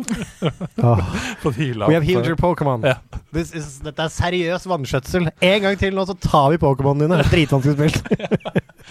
Nei, men det er, det er mer interessante karakterer. Det vet jeg du er glad i, eh, Kit. Altså at karakterene og historien og sånn er mer interessant enn i et vanlig Pokémon-spill. Vi Ja. møter, vi møter blant annet en eh, Professor Loke, Ja, som er En, en misantropisk Charizard. En, en muggen Gyarados. Nei, men det er veldig Og så er det kreative vrier overalt. Eh, Og og her er et eksempel, og det er den første gymmen som jeg snakka om nå nettopp. Når du kommer til den første gymmen, den består av tre gymledere.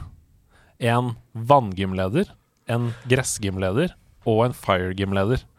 Og det de gjør, det er at de ser hvilken starter du valgte, og så velger de den som er best mot den. Sånn at hvis du valgte en gress-Pokémon som de starter, så møter du en fire eh, gymleader i det første. Ja, nettopp. ja. Ikke sant? Så Du, du møter automatisk du er, du er dårlig, da, mot den første gymlederen. Som gjør at spillet tvinger deg til å gå ut og finne en Pokémon som er bra mot fire. Ikke sant? Ja. Gøy! Ja, det er smart. Ja. Det tvinger deg til å lære spillet. Og, Ja. og, det er, altså, og det er jo man, man kommer jo på det når man var kid og man spilte de første, så husker jeg at det kom jo sånne flaskehalser når du bare hadde gått for de kuleste Pokémon du visste om, og så kom du til vanngym og hadde ingenting. Du hadde liksom nada niks. Og da, Så det er jo bra. Men mm, si da etter en et par timer her, da, for en Mm. gammel ringrev. Ja. er ikke vanskelig for deg. Eh, tja, jeg feinter Altså ikke jeg, men Pokémonene mine feinter rett som det er. Jeg må ha revive og, og potion og sånn. Uh, og jeg, jeg koser meg med å bruke For første gang i mitt liv så må jeg bruke lear og growl i, Leer. i. Shit. Shit. Det er, vet du hva, kanskje det minst Altså Lear, det lurer jeg på om er det minst PVP, altså, eller fra en spiller som har brukt det. Det er ingen som noen gang har bootet opp a Lear for å lære til Pokémon. Ja, men jeg må det. Jeg må det. Ja, ja, ja. Nei, men. Men nok om det, for klokka går. Eh, jeg har spilt Nintendo Switch Sports! Hey! Oppfølgeren til Wii Sports. Sports. det har vi akkurat fått. Ja, hva syns du? Det kommer anmeldelse av det til neste episode. Oh, jeg spennende. Mm. Ja, Da må du ikke snakke i kortene, da. Nei, det er noen ting jeg syns er veldig rart med det. Men det Oi. kommer i neste episode, altså i anmeldelsen. Det skal jeg ikke fokusere på nå, fordi det er først og fremst veldig, veldig veldig gøy. Og det er jo en fantastisk følelse å kunne få med seg hele familien på gaming, da. For det er jeg sikker på at alle familier der ute kan. Uh, Camilla og jeg vi spilte både bowling og badminton mot hverandre i stua på søndag. Jeg vant i bowling, hun var til badminton. Shit. God stemning og kjempegøy. Altså, det, og det å bare reise seg opp og være på beina igjen og spille bowling på The Switch! Ja. Altså, at, altså, var det gode gamle fare for TV-en og alt, eller? Ja! Ja. Feststrappen! Feststrappen, Du sier det hele tiden. Men man kan du, spille flere enn to. Ja da, du kan Ja. spille flere enn to. Eh, noen eh, noen uh, minispill er designa sånn at det er en duell, f.eks. Det er noe som heter Shakambra, eller noe sånt, som er sånn eh, sverdslåslåssing. Mm. Det er jo en duell, ikke sant? Men det, du kan jo spille det som om det er en turnering, tror jeg, hvor du bytter ut. Sånn at nå er det Ja, de ja, to, sånn, og ja. så er det de to, Mm. og så Men det er deilig at Det er er coop for hele familien din, Andreas, for da kan dere beholde den jævla switchen sammen. Det er en meme om at jeg syns Switch er for tung i håndholdt. Men jeg har spilt uh, I tillegg til dette, da, så er det jo for første gang uh, online Ja. i Switch Sports. Så gøy. Som er fantastisk. Det betyr at vi to kan spille med hverandre selv om vi ikke er i samme rom. Eh, og det betyr også at man kan spille kompetitivt online. Nei. Oi.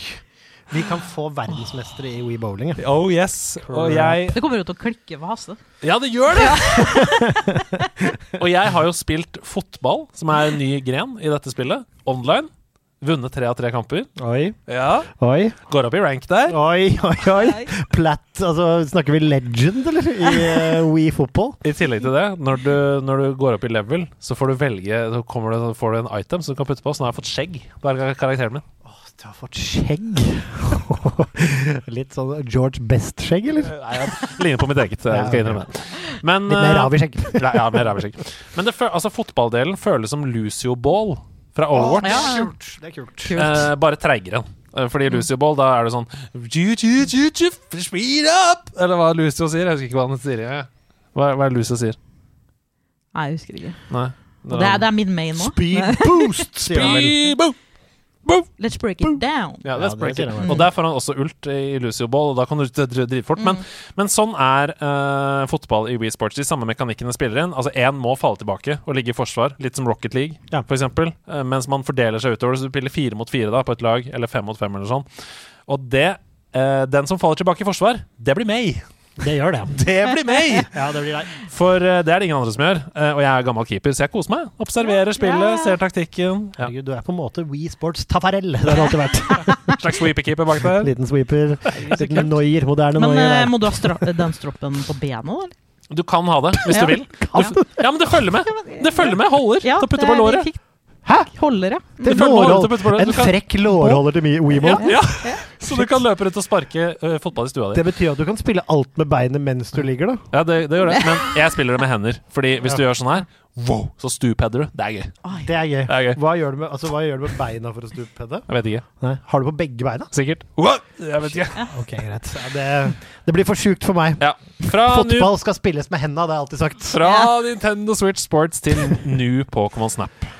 Det vet du hva, det, altså, jeg hater å være han som sier det, men det der ta bilde av Pokémon-fenomenene, det har jeg aldri likt! Nei. Jeg lagde to sidequester med Carl fra Level Up denne uka her. Og i den ene så begynte vi å snakke om New Pokémon Snap. Og det er et spill som jeg liker skikkelig skikkelig godt, men som jeg har glemt litt. Jeg åpna de to første øyene, for det er fire locations du kan ta bilder av Pokémon på der. Åpna bare to da jeg spilte det forrige gang. Så innså, jeg innså da vi snakka om at jeg hadde jo ikke runda det. Nei. Så etter at vi hadde svetta oss ut med badminton og bowling i, i Switchboard, så dumpa vi ned i sofaen og buta opp New Pokémon Snap. Ja, det er fordi jeg syns det er noe suspekt over det hele. Det er liksom noen få øyer i denne verden hvor de Pokémonene bare kan få lov til å være seg sjøl. Der skal det komme noen folk på en jævla båt og tog og bare og knipse bilder av det. De bare Kom igjen, da! Det er ett sted vi kan være ute av ballen, liksom. Men uh, Kit, det er et skytespill. Du må tenke på det som et skytespill. Ah, Det er jo sikt og skyt. Det er jo det du gjør. Du sikter og så prøver du å skyte, og jo mer headshot du får på Pokémonene, jo mer poeng får du jo. Ja, Det var derfor Mm, ja, okay. GoldenEye Golden 64 var så bra, fordi du gikk og tok bilder av sinte folk. Ja. Men jo mer du spiller det, jo gøyere blir det. I starten så, så er det er han litt stressa. Det er sånn 'Å, det er Pokémon overalt, jeg må ta bilde av', bla, bla, bla. Men når du lærer deg å senke skuldrene og bare fokusere på noen og få bra shots av noen og sånn, så blir det veldig koselig. Ja, for det var min kritikk. av det tempo. første var liksom, Det var ikke så fine bilder å se på, var én ting. Og så var det liksom det Det er Pokémon overalt. Så det, liksom, det føltes ikke sånn Å, shit, nå er vi i en jungel, liksom. Kanskje vi får se en Pokémon? For det var sånn der idet du kommer inn Lapras og Charizard, ja! Første område. Ja. Og så hvis du er heldig, så kom det en sånn Snorlax. Nei, det var aldri for meg, men jeg skjønner at folk liker det. Ja. Nei, det er, det er veldig gøy, og det senker tempoet. Og For å krone denne Nintendo-uka her, så har jeg spilt to ganger 45 minutter med Mario Party Superstars. Vi må Nice. aldri slutte å snakke om at det er det beste Mario Party-spillet som har kommet. Det må vi aldri slutte å snakke om. Uh, det er så gøy. Camilla og jeg vi spilte Kakebanen til eh, Peach fra Mario Party 1. Uh, og jeg spilte ett game mot CPU på hard, fordi Oi. jeg lot uh, Sebastian Brunestad uh, ta over min body. Ja, så bra. Eh, Men, altså, snakker vi Nintendo hard der, eller? det er hard, altså. Ja, ja, Og det er det som er så bra med det spillet. De, det er fullstendig Det er ikke noe bonus til den som ligger sist, for å si det sånn. Å nei, bra. Eh, du ligger sist, ja. Synd for deg. Her er enda mer dritt. Sånn er det. Det er true Mario Party. Ja, ja, true Ja. Mario Party. Tilbake til de første spillene. Um, Vi spilte jo Mario Party med Andreas Hedman. Den historien har fortalt på den før, jeg skal holde den kort. Men vi spilte, jeg og Ida spilte med han når vi var på LAN mine. da var det Mario Party 2 på 1964. Mario Party 2 på 1964. Makan til dårligere Mario Party-taper enn Andreas Å, Hedman. skulle ja! det legge til. Oi! Å ja, så det er sånn det skal være nå, ja! Men da er det bare RNG, da. Ja, okay, men da kan jeg ikke Han satt altså foran masse kids og unge, og unge mennesker som en slags ambassadør for nerdelandslaget, og bitcha brett! Det er det verste jeg har hørt! Ida kom bare sånn, så mista han en stjerne. OK! ok Det er ikke noe vits med å spille! Det er ikke noe vits meg å spille. Det ender, jeg står og ser på dette. Det ender til slutt med han sier Seb, du må ta over, jeg må ordne noe. Jeg må ordne noe på scenen. Og vi bare Alt er klart på scenen. Jeg må ordne noe på scenen! Så satt jeg med skjegg i postkassa etter Nord-Europas dårligste prestasjon. Det minner meg om noen i min podkast òg. Ja. Men det var veldig gøy. Og Mario Party Superstars er helt fantastisk. Eh, Vi er nødt til å få, med, få til en stream der hvor nerdelandslaget mot spilledåsene Å ja. i Mario Party Superstars. To representanter. To representanter fra hver redaksjon. Fire player der. Ja. Altså Hvis du skal spille, Andreas, så kommer ikke jeg. Nei, men det er bra. Da sender vi Nei, det, det kommer jo til å bli et, Seb og Ida Det kommer til å bli et Yes, helvete om- hvis men om jeg det blir se- deg mot Lise, da, for eksempel. Det blir et mareritt. Ja, vet du hva? La meg si at det, er- altså, jeg gleder meg til å se det. Så Ja, mye kan jeg ok, si. ja. Ja, ja. Så har jeg også spilt en del Hearthstone Overwatch, men det skal vi snakke mer om senere. Hei, kjære spiller på nerdelandslaget. Hei, hei! Det er jo en glede for oss å fortelle dere at vi har inngått et samarbeid med selveste Visa. Hæ? Visa har jo på en måte alltid vært der. Det er jo noe vi forholder oss til og bruker hver eneste dag. Ja, altså Det har jo fulgt oss hele livet, og jeg husker veldig godt hvor stas det var da jeg fikk mitt aller første visakort. Det var både stort og viktig. Foreldrene våre de var opptatt av å lære oss til å være forsiktige, behandle det på en ordentlig måte. Det var en trygghet på en måte å betale med Visa. Men det er veldig mye som har forandret seg siden den gangen, spesielt siden netthandel har fått en enorm oppblomstring, med mange flere ulike måter å betale på. Og det som er interessant, det er jo at statistikk viser oss at Gen Z de har tre ganger så stor sannsynlighet til å bli utsatt for økonomisk svindel online enn oss som er boomers. Hæ? Er ikke det overraskende? Altså, Det er jo det som gjør at det er veldig viktig at vi kommer tilbake til den der safe shopping mode-følelsen som Visa gir. Fordi altså Uansett om du bruker Visa til å betale eh, på nett, eller på mobilen, eller i butikken, eller på ferie i utlandet osv., så, videre, så gir jo Visa deg eh, beskyttelse og sikkerhet. Det er helt riktig. Visa de overvåker, de oppdager svindel veldig tidlig, fordi de hele tiden er ganske langt framme i skoen med verktøy og teknologi som spiller på lag med oss, og det er trygt og fint. Ja, Har, altså, har, har, du eksempel, har du et eksempel på en gang du har opplevd noe utrygt med netthandel? Ja, det tror jeg egentlig nesten alle har. Det er litt vanskelig å unngå i 2024. Det er derfor det er så fint å vite da, at man er trygg med Visa. Jeg har handla på nett fra hele verden. Oh la la! Oh, se på han, han handler på hele internett. Og kortinformasjonen min ble lika fra en internasjonal nettside i 2019. Oi. Jeg hadde kjøpt noen sånne retro fotballdrakter. Eh, og i tiden etter det så begynte sånne små beløp å bli trukket fra kontoen min. Selvfølgelig da, for at jeg ikke skulle tenke over det. Så Ja, ja. 19 kroner her og 39 kroner der og sånn. Men fordi jeg hadde betalt med Visa den gangen, så var det null problem å få ordnet opp i det med banken. Jeg fikk tilbake alle pengene, kortet ble sletta, og jeg fikk nytt kort. Og Visa vil jo da veldig gjerne informere dere, altså spillerne på laget, at de oppfordrer til å bruke Visa via mobilbetaling ved fysisk handel eh, i butikk. Og hvis du har mulighet til å da eh, legge inn kortet på telefonen din. Og når det kommer til online-betalinger, så anbefaler de å bruke Visa-kortet som normalt. Altså bare legge inn informasjon. Ja, og Poenget med å snakke om det her, det er å understreke for alle dere som hører på, at dere er beskytta mot svindel når dere bruker visakort. Dersom noen bruker ditt visa til uautoriserte online-betalinger gjennom hacking, eller hvis du rett og slett bare fysisk mister eller får stjålet kortet ditt, så står ikke du ansvarlig pga. Visa sitt Zero Liability-program. Så du er beskytta hvis visakortet ditt misbrukes, både online og offline. Og det er veldig digg å vite. Ja, Kjempedigg. Helt enig. Altså, selv om verden føles litt utrygg i 2024, så er du i hvert fall trygg når du bruker Visa til å betale. Enkelte begrensninger til Visa Zero Liability Program gjelder. Les mer på visa.no, eller kontakt din bank for å lære mer om hvilke vilkår som gjelder for din avtale. Ha med, ha med dag. Hey, hey. Ha med, ha med dag. Ha med ting etter ditt behag. For det er ha med dag! så sitter det to karer her, og de lurer noe skikkelig ordentlig på. Hva har fru Gran holdt med seg fra Fredrikstad her nå?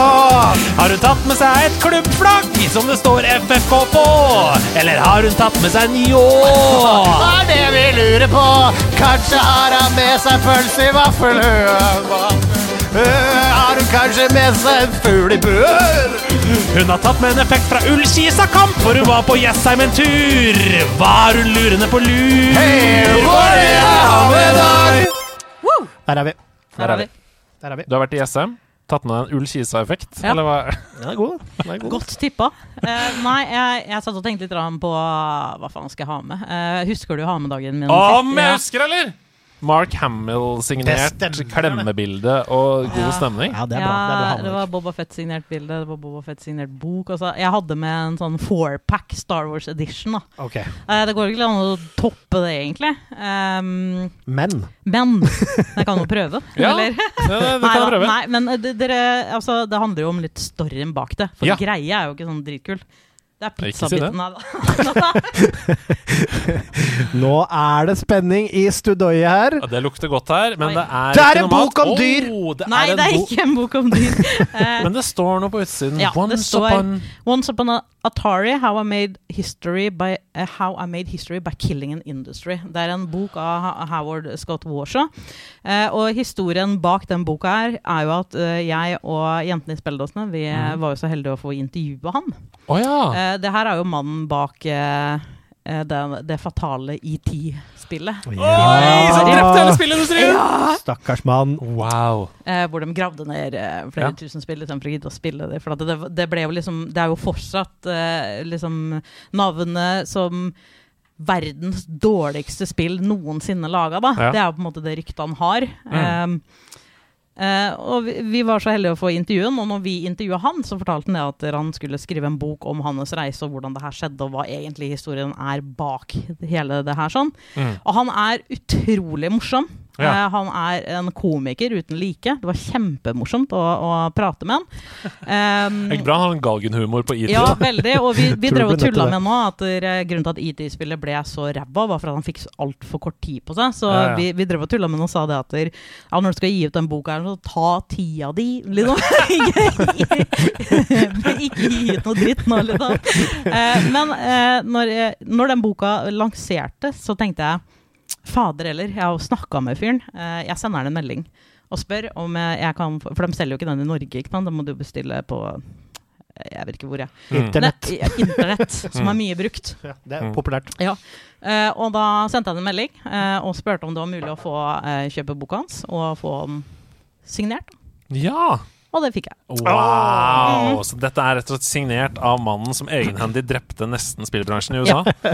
Og det står 'Dear Kit, enjoyed the journey. I sure did. Yours truly, Howard Scott'. Åh, det er koselig. Det er koselig. Det er veldig hyggelig. Det er Ja, veldig hyggelig. jeg syns det her er Det er, eh, det er eh, en bit av eh, spillehistorien.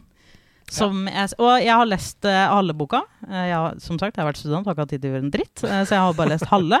Eh, men holder på Jeg tok et tog hit i dag, så da kunne jeg fortsette å lese. Og den er altså så sinnssykt morsom, liksom. Som, oh, Kommer til å lede i hjel. Og hvordan, hvordan det var å jobbe på Atari på den tida her. Og eh, folk han prata med. Masse masse kjente folk i i industrien. Da. Det, altså, jeg anbefaler den boka på det sterkeste. Den er helt fantastisk. Den skal jeg rett inn på Ark eller Nordli eller hva, og prøve å bestille etterpå. Ja, ja de Um, kan jo kanskje bestille gjennom der òg. Ja, Jeg kommer, på, jeg kommer til å gå på internett. Men det verste var at det er jo laga en film Oi! om det her. Ja, stemmer det. Eh, og han er med i filmen, men han spiller ikke seg sjøl. Men han er med som noe annet. Mm. Og han sendte meg faktisk den DVD-en, den filmen, signert også. Uten at jeg ba Han likte det? Du, du, har, så du har gjort inntrykk, du? Ja, jeg vet ikke om han husker meg for det intervjuet, for det intervjuet var Nei, nei men nå husker jeg Bestillingen var bra bestilt. Ja, det- ja. er veldig veldig gøy, og for en personlig og fin ha med dag. Og ikke minst et bra boktips til alle som hører på. Mm. Det, jeg liker coveret som jeg sitter og ser foran her. Det ser veldig gøy ut. Så Ja, fordi ha-med-dag kan ofte skli ut, så dette var veldig sånn ordentlig ha-med-dag. ja, veldig, veldig bra. Det var veldig bra ha-med-dag.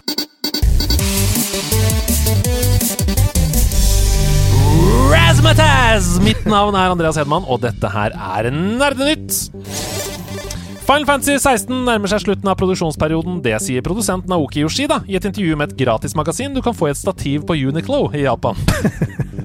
Grunnen til dette er at Uniqlo nå skal slippe 16 T-skjorter den 16. mai med Final Fantasy-trykk, noe du absolutt bør sjekke ut hvis du er en Final Fantasy-fan.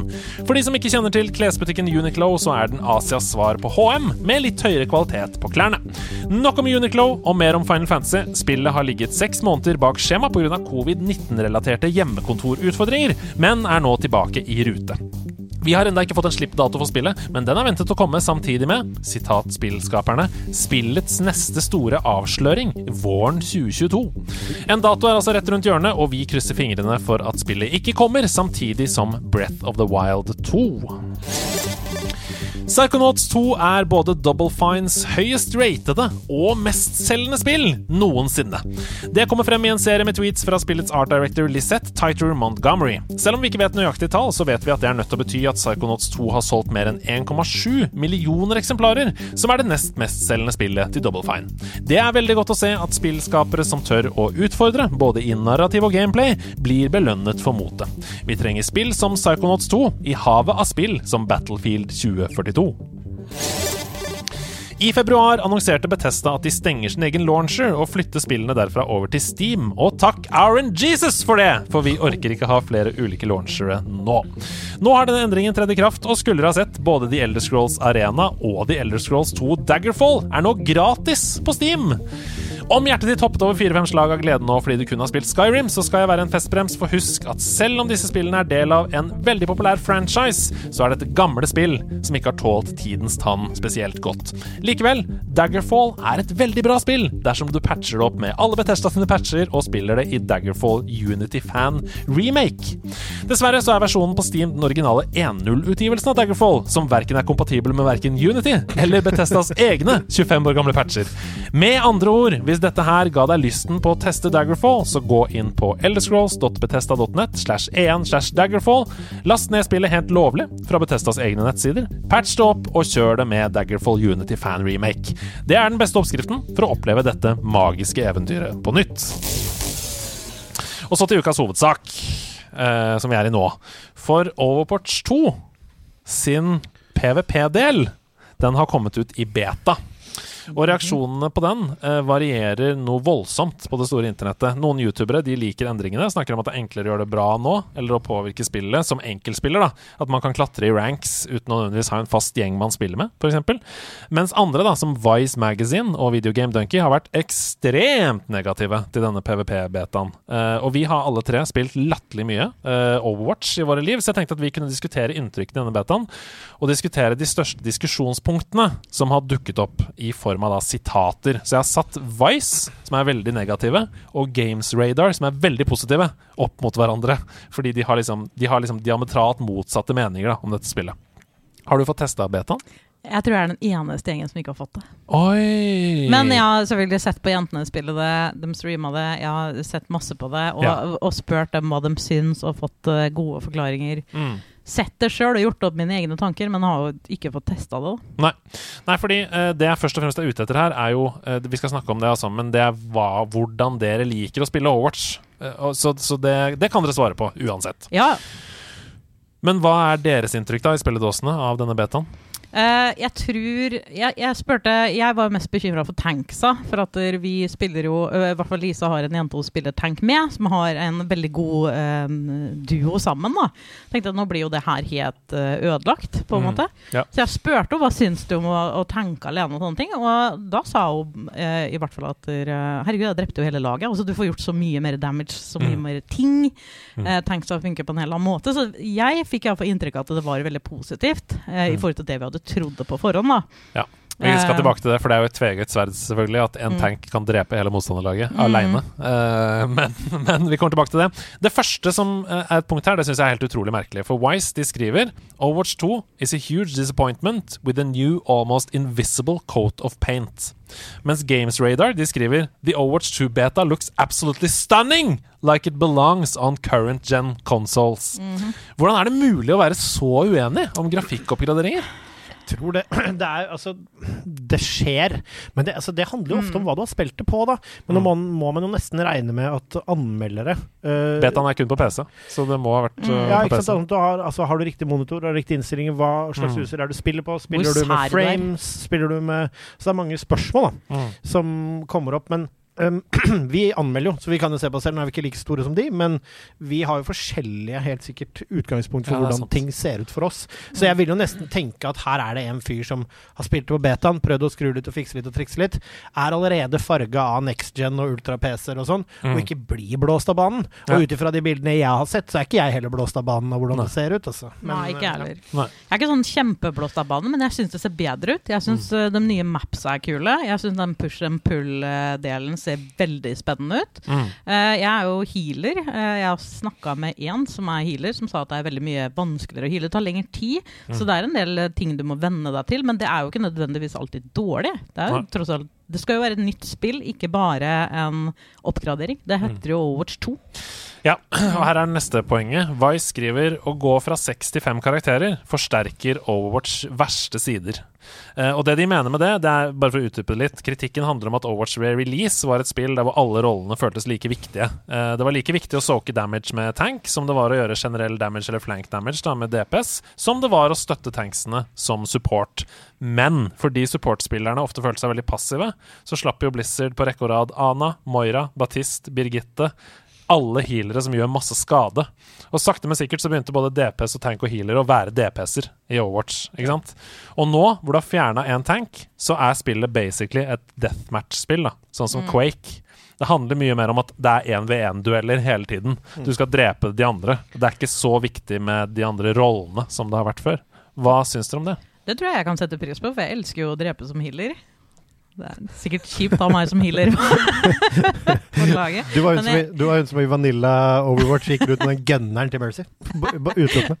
Nei da. eh, Jeg spiller jo Lucio. Jeg jo Jeg er veldig spent på hvordan han fungerer eh, på det nye. Han Mm. er jo liksom ikke en som healer sånn Det er jo mer healing over tid, og der er det jo veldig mye bopping og veldig mye bruk av map for å på en måte være god på Mm. han. da Environmental ting. Ja, Mm. eh, så Jeg vet ikke. Jeg har ikke prøvd det. Så Jeg tenker, jeg tenker jo at det det gjør, da, i, uansett hvordan du vrir og vender på det, er at det forandrer hvordan du spiller Overwatch. Mm.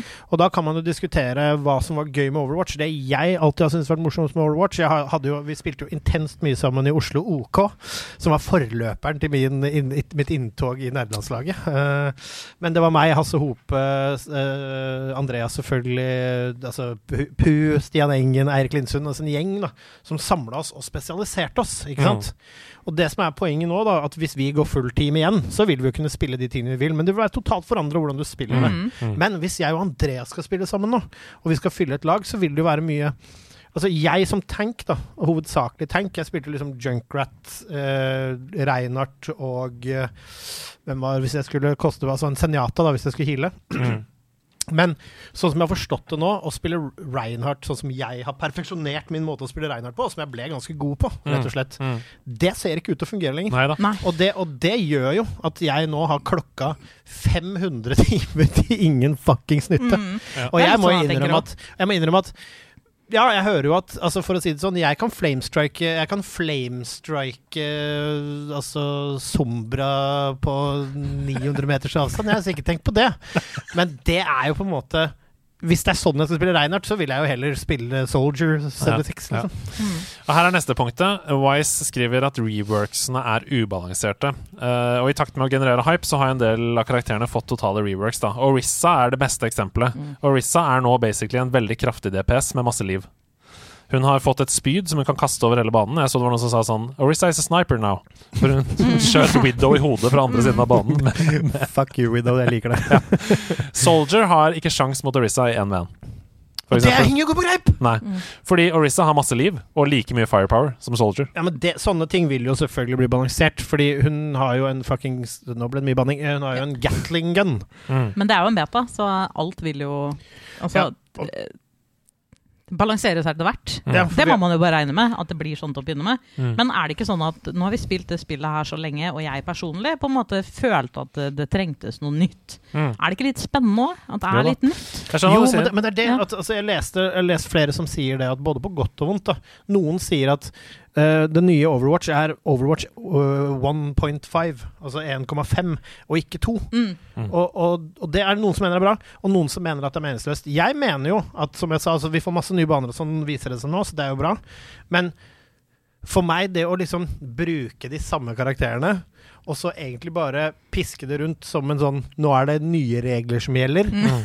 Det for meg er litt billig, altså. Ja, fordi her er Games Radar sin take på det samme. Orisa in Overwatch 2 is nothing like the Orisa you once knew. She's a blast! Her adjustment makes perfect sense for the new 5v5 match makeup, which feels more divey than ever before.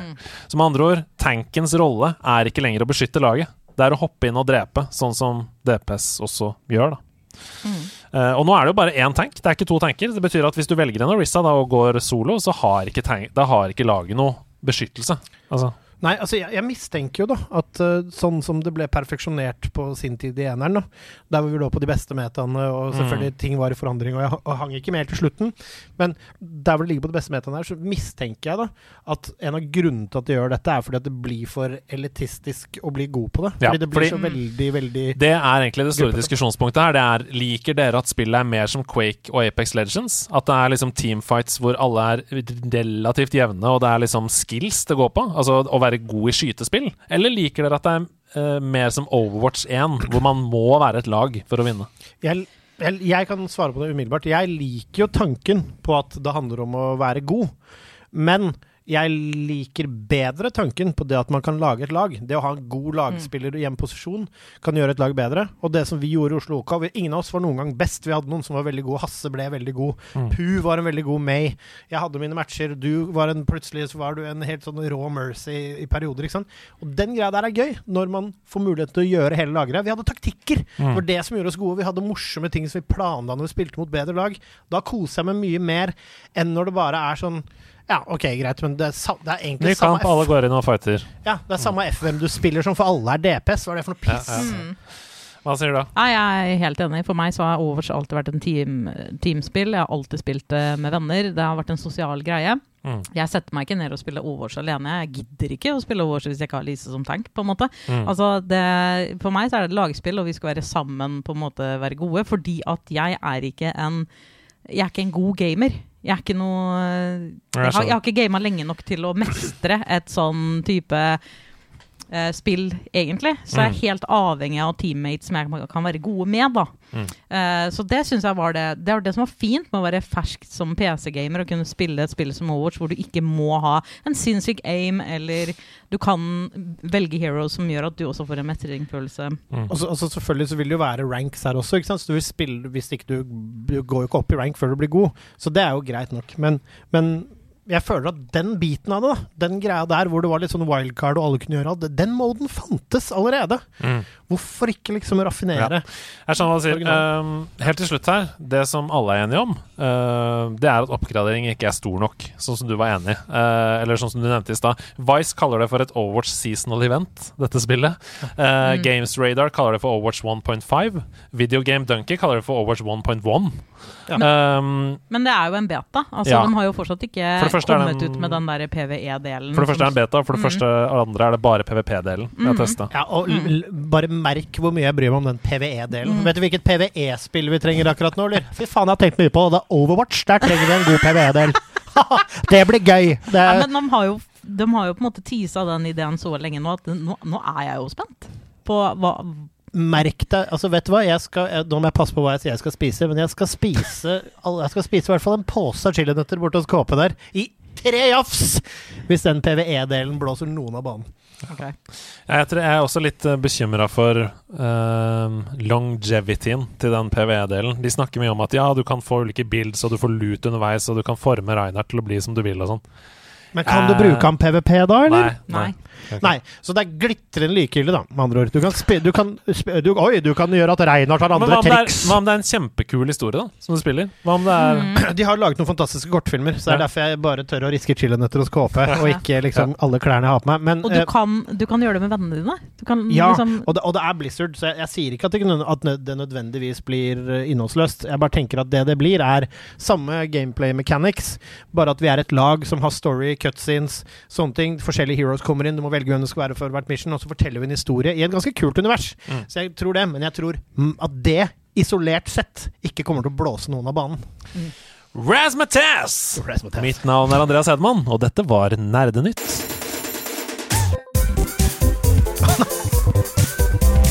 Karakterkortet.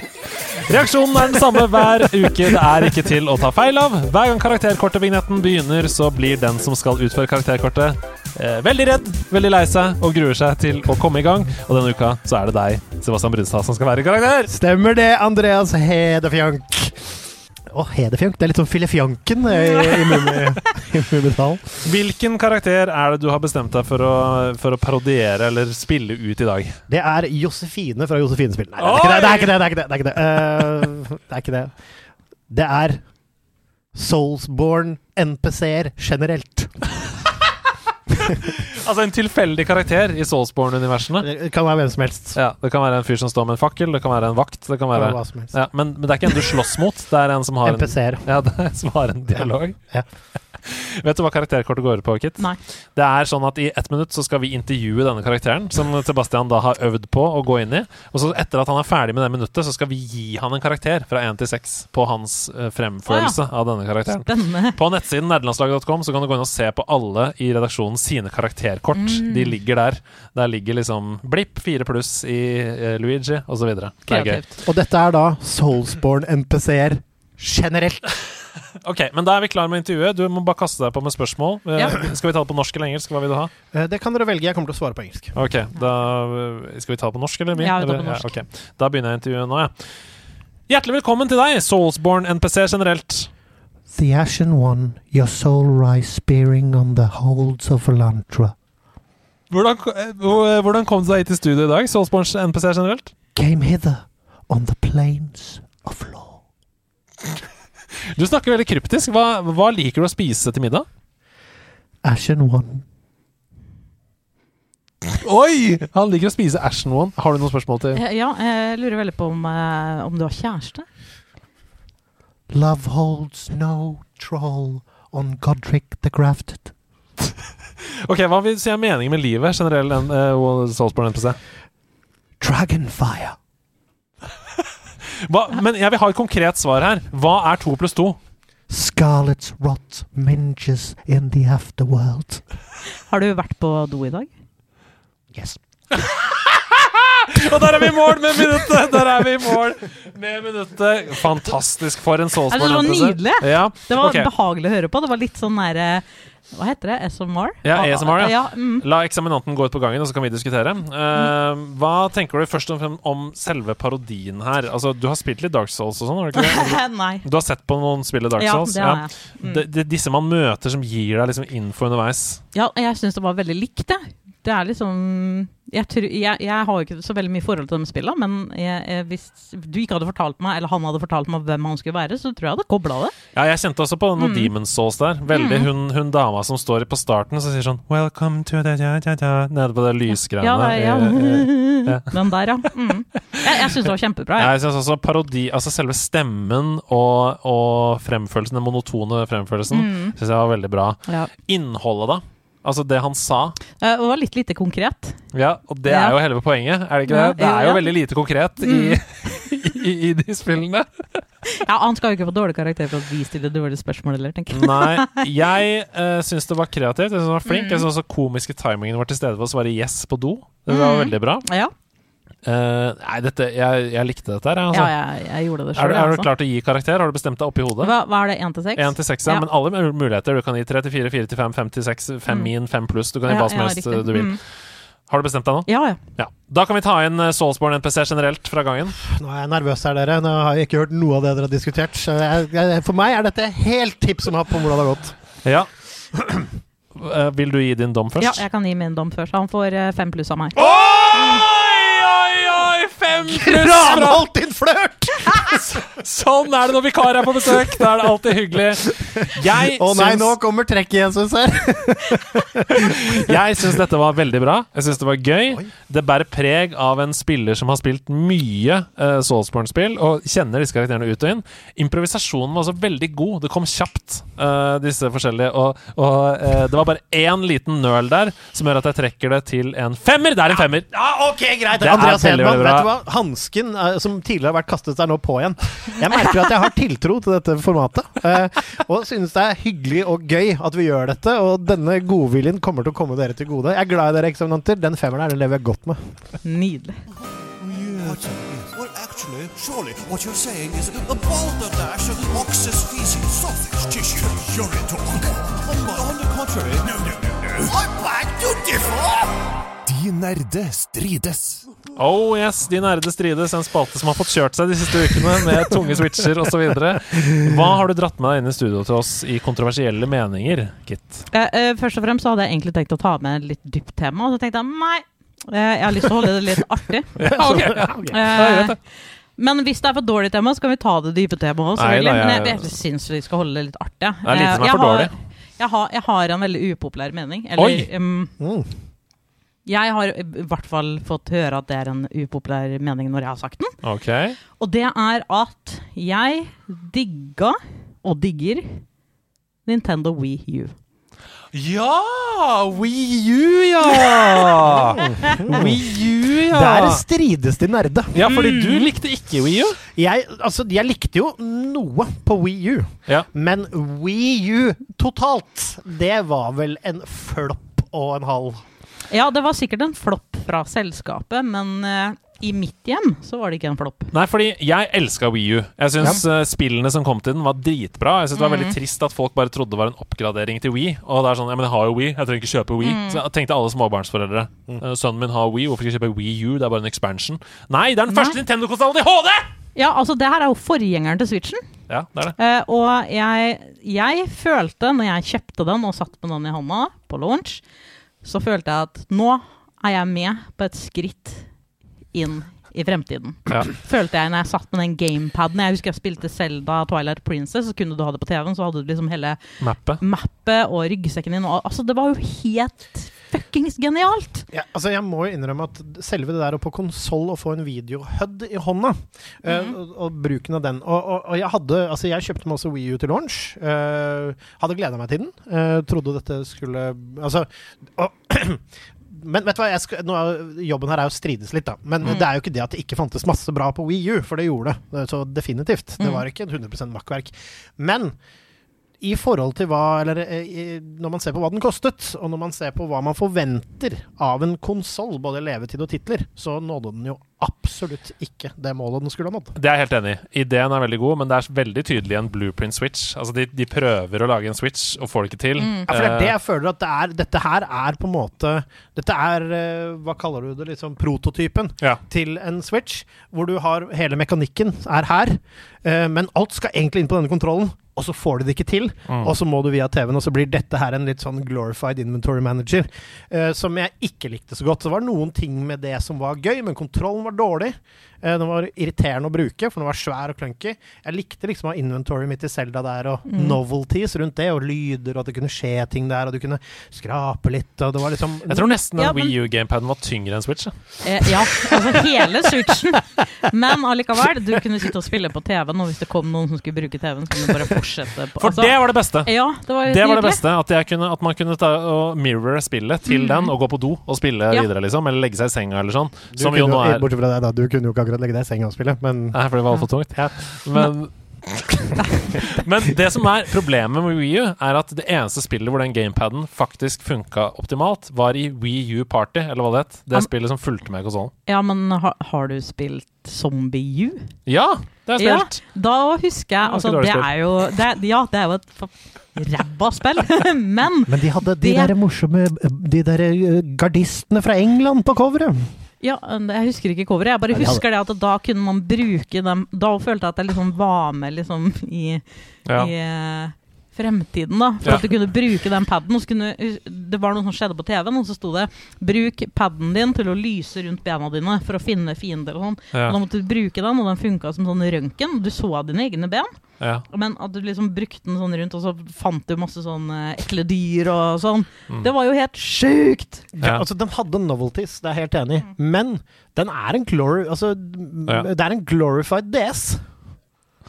Det er å ta i. Um, ja, jeg, jeg syns mange av spillene var helt fantastiske. Jeg er glad for at de får remakes og remasters på Switch, fordi Mm. det fortjener folk å spille Ja, dem. ja. Men uh, det var også det. Jeg syns konsollen konsollen hadde et uforløst potensial. Jeg likte konsollen veldig godt, og Ja. hver gang det var spørsmål om vi skulle bruke de derre mm, Hvis hvis, hvis du kunne velge tre Nintendoer, og det er det eneste du får lov til å spille, er deres bibliotek for resten av livet Du kan velge tre Nintendoer av alle Nintendoer gjennom tidene. Da er det juks å si Switch med sin online-tjeneste, Ja, ja, ja. Det er fysiske utgitte kopier. det tenkte. Det er fysiske utgitte kopier.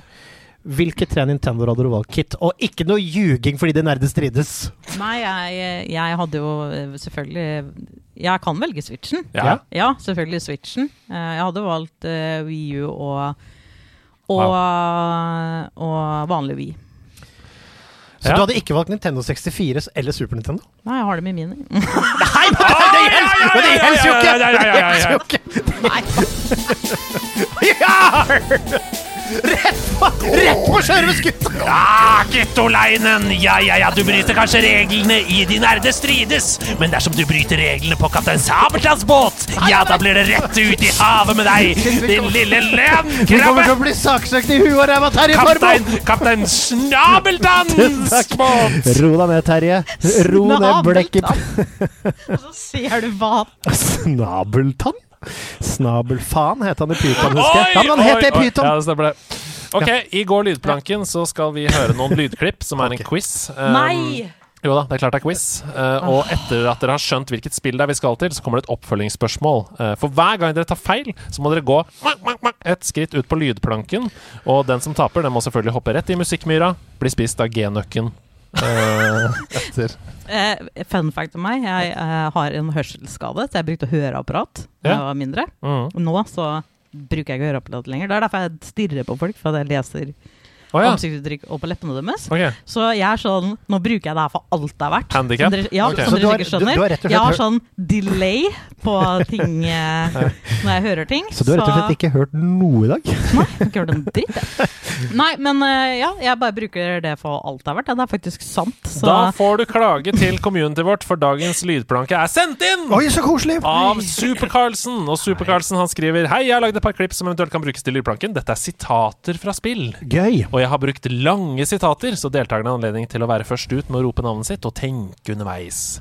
Så her skal vi altså høre tre forskjellige sitater, eh, og så skal det være oppfølgingsspørsmål til spillet da, fra det uh, sitatet. Så først ut så kommer denne her. Du skal rope navnet deres når dere vet hvilket spill vi skal til her. Sit, would you kindly? Stand, would you kindly? Run. Kid, er det Fallen Order? Nei da, det er ikke det. A man chooses, a slave obeys.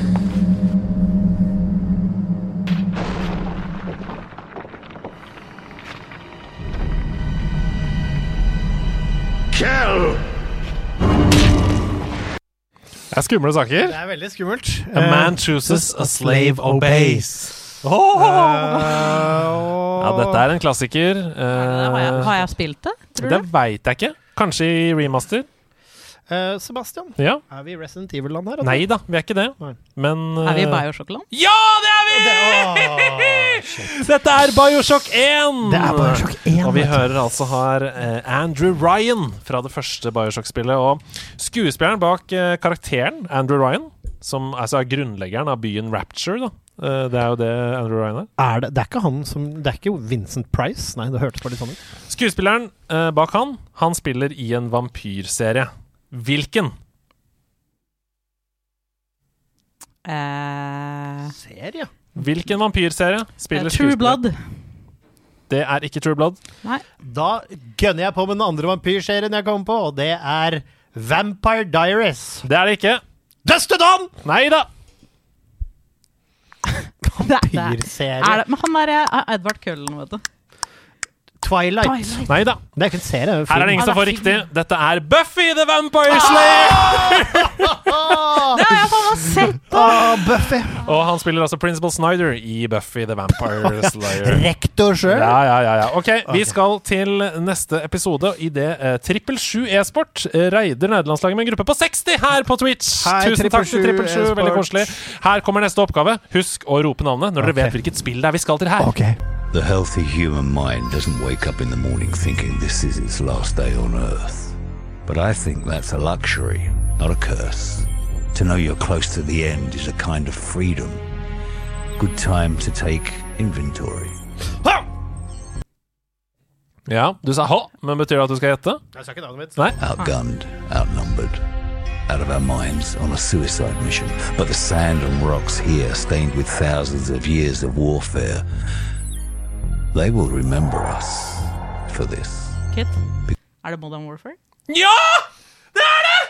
What the flonk! Dette er Captain John Price med en av sine ikonske taler før et av missionene i Modern Warfare 2. Men du skal få, du sa Modern Warfare. Det er Modern Warfare 2, men du får for den. Jeg sa Ja, ja, to, bare altså, litt lavt. Herregud, jeg var, jeg var inne i Mad Max-land, for jeg hørte Australian dialects. Det er veldig bra. Det, har altså, det er 2-0-kit. Her kommer oppfølgingsspørsmålet, og her vil jeg at dere skal bestemme dere for et svar i hodet. Uh, som vi nå sier ja, jeg har et svar, og så svarer dere. Sånn at dere ikke kan påvirke hverandre. ikke sant? Hvordan påvirket Anders Behring Breivik og hans grusomme handlinger salget av Modern Warfare 2 i Norge? Det er spørsmålet mitt. Bli, øh, finn dere et svar. Har du funnet deg et svar? I hodet ditt? Ja. Ja. Uh, ja. Hva har du lyst til å svare først, uh, Kit? Dårlig? Han påvirket eh, salget så, det gikk, så salget gikk dårlig av spillet? Det er det du svarer? Så salget gikk dårlig av spillet? Ok. Hva sier du? Uh... Altså, jeg bare tenker at det kanskje ble utsatt noe launchdate eller noe sånt. Ja. At, det måtte, at på grunn av det som skjedde, så ble launchdaten utsatt. Interessant. Jeg vet ikke om uh, noen av dere skal få poeng her, for riktig svar er at Coop-kjeden sluttet å selge spillet fordi Anders Behring Breivik viste til Modern Warfare 2 i manifestet sitt. Ja. Så Coop tok det rett og slett ut av hyllene. Ja. Interessant. Ok, vi skal videre til neste uh, oppgave her. Hva er det vi hører her? The thing about happiness is, you only know you had it when it's gone. I mean, you, you may think to yourself that you're happy, but uh, you don't really believe it. You focus on the petty bullshit or next job or whatever. It's only looking back, by comparison with what comes after, that you really understand that's what happiness felt like. Sebastian, Ja. er det Max Payne? Nei da, det er ikke Max Payne. Kult sitat, da. Og veldig kult stemmeskuespill. Det, er, eh, det er så gøy at spill er så bra! Spill er så bra, generelt! Ja, det er altså en som snakker om uh, lykke her, og hva lykke egentlig er. Og hva At du først skjønner at du har vært lykkelig når du ikke er det lenger, osv. Hvilket spillunivers er vi her? Det er 2-0 til Kit. Det er muligheter for å Er det Far Cry? Nei da, det er ikke Far Cry, men det er bra tippa. Altså, Det høres jo veldig badass ut, dette. da Kan det være noen fra Gears of War? Også et godt tipp, men det er ikke riktig. Det er mørkere. Det er mindre håp igjen i dette spillet. Enda mindre håp igjen. Mhm. Ah, Seb! Ja. Er vi Fallout her? Ja! Vi er i Fallout! Han kommer tilbake som en Han hvit får, knekt fra juks! han får reddet Juks! Han får reddet noe ansikt, og her skal han anklages. Nei. Dette er Conrad Kellogg som snakker om lykke i Fallout 4. Og her kommer da oppfølgingen eh, til oppfølgingsspørsmålet. Dette er verdt to poeng, slik at det er mulighet for Altså, vi er underholdning, Kit! Du kan jo gruse meg jeg skal, nok, jeg skal nok en gang ha sånn at dere bestemmer dere for et svar i hodet før dere svarer. Og denne gangen så er det du som skal få lov til å svare først, Sebastian. Hvorfor har Pip-Boy, altså maskotten i Fallout, tommelen opp og ett øye lukket? Hvorfor har eh, Pip-Boy, maskotten i Fallout, tommelen opp og ett øye lukket? I sin ikoniske positur da, på, på coveret der. Og dere kan eh, være med å gjette i chatten, selvfølgelig. Jeg ser jo ikke chatten, så vær med. Dere er på Twitch. Hva tenker du, Sebastian? Jeg trenger et svar. Fordi han måler opp sine motstandere. Men han, han måler noe med tommel og øye der, altså. Han måler noe med tommel og øye. Hva svarer du, uh, Kit? Han er jo egentlig mynta på en, eh, en karakter. Ja. Eller han er en etterligning av Nå husker jeg ikke om det er en sånn bensinstasjon-dude, eller om det er en sjef av noen, eller et eller annet. Men Ja. han, han skal etterligne en som spillutviklerne Det er meninga, da. Mm. Men jeg, er ikke, jeg klarer ikke å forklare det. Jeg skjønner hva du mener. Ja. At det skal, det skal etterligne noe, en ekte person. på en Ja. måte. Ja. Kan man gjette at han kan, fordi jeg, Du har svart. Ja, ja, men jeg bare tenker Fordi jeg tror jeg vet hva du snakker om. Men ok, greit. Her er svaret. Ja. Det fins mange dårlige råd fra fortiden. F.eks. At røyking var sunt. Det var et råd man fikk på et tidspunkt. Tidligere så var det anbefalt at dersom du så en soppsky fra en atombombe, så skulle du måle størrelsen på den med tommelen. Hvis skyen var større enn tommelen din, så betydde det at du var innenfor strålingssonen og burde evakuere umiddelbart. Og det er det Pippo gjør i sin positur. Han måler en atombombe er for å sånn. se Og det er poeng til Sebastian Brustad! Og det betyr, Det Kit, at du poeng. har tapt! Og du må gå Ja! lydplanken! Gå lydplanken! Kom Han henter på lydplanken! Gå, gå, gå, Gå, gå, gå! Du må hoppe i havet! Hopp! Plask! Der døde Ah, ok, greit. Kit. Som Vi begynner å bli, det begynner å gå raskt, det der eh, gå planken-scenen. Så han fikk to poeng nå.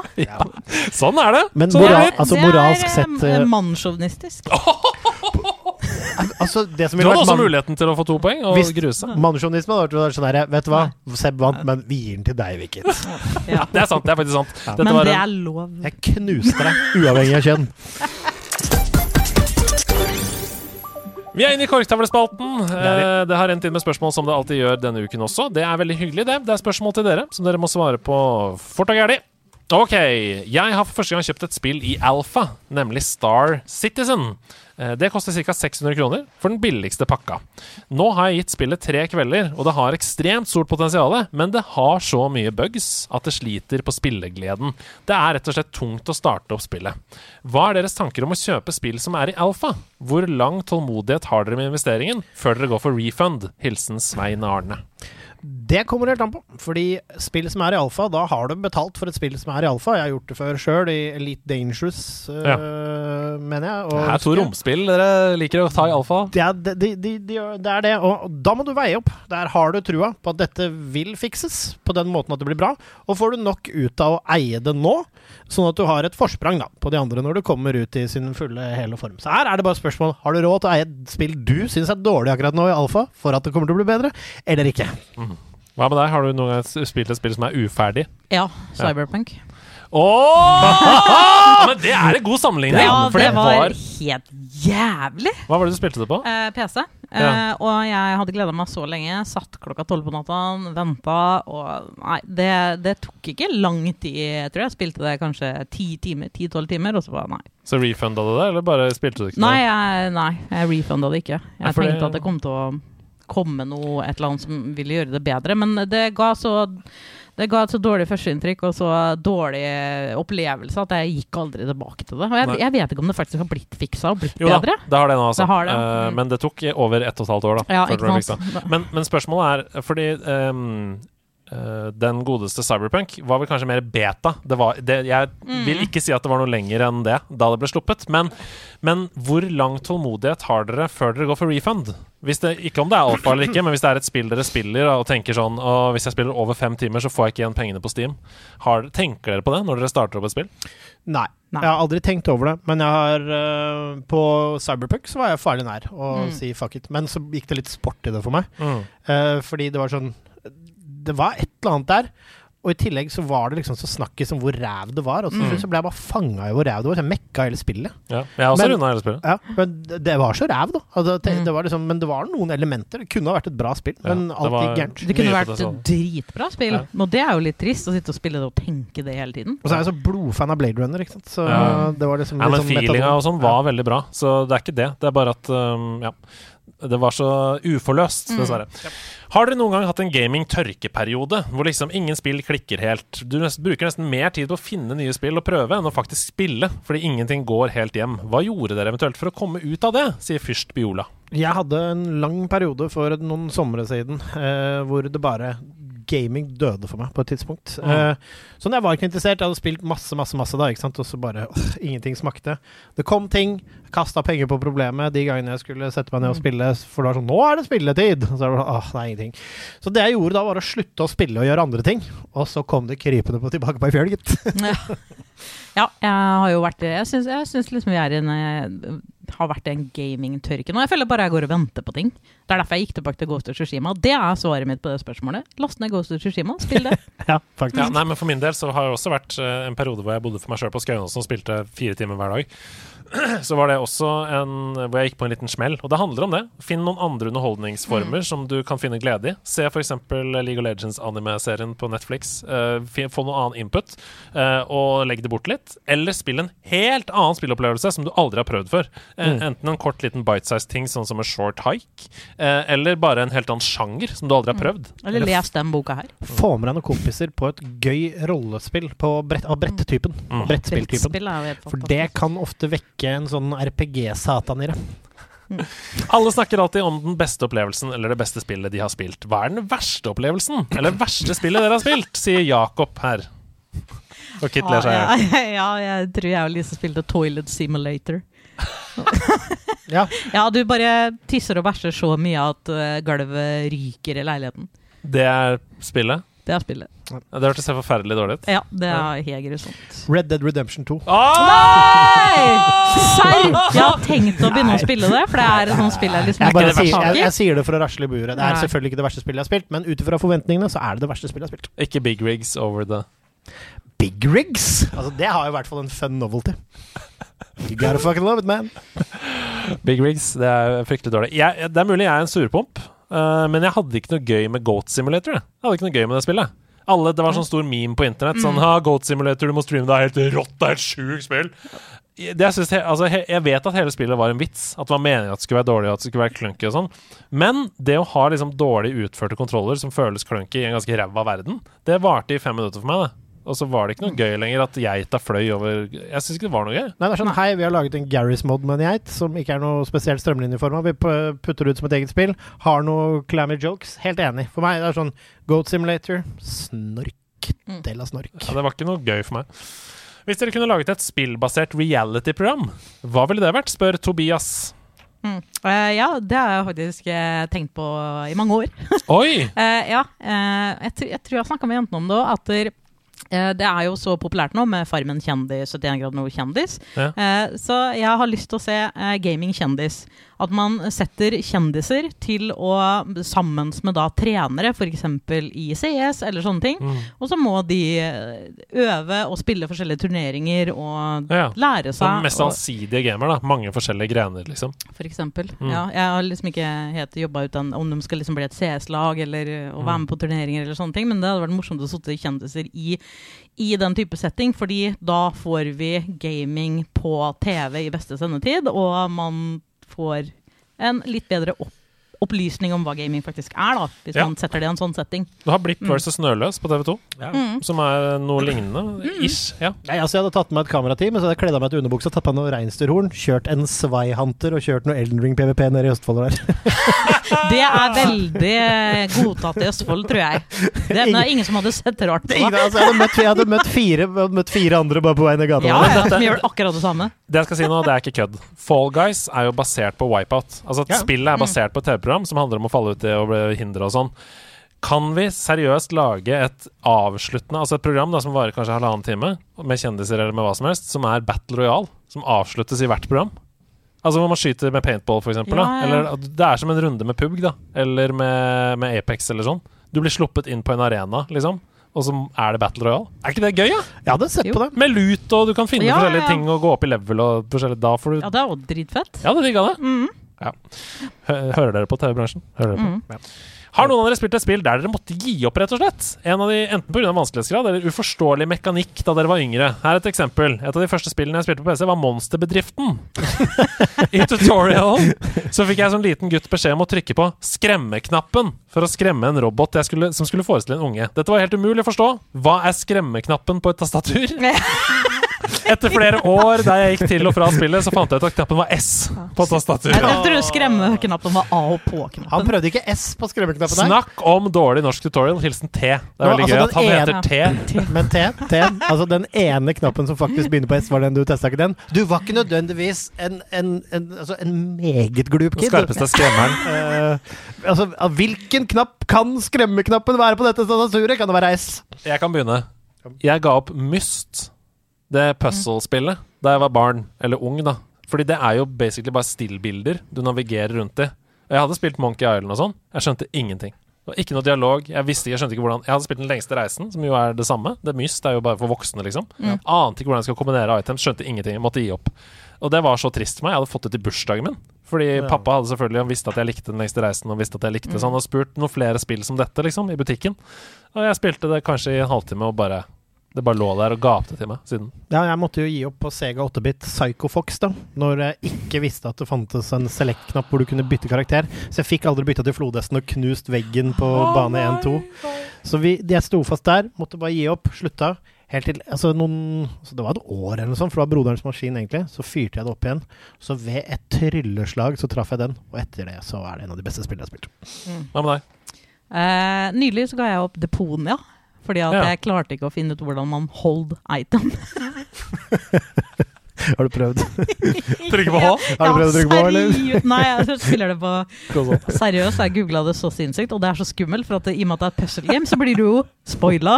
Så prøv å finne ut bare liksom Jeg trenger bare forklaringa. Det er lov å google hold item.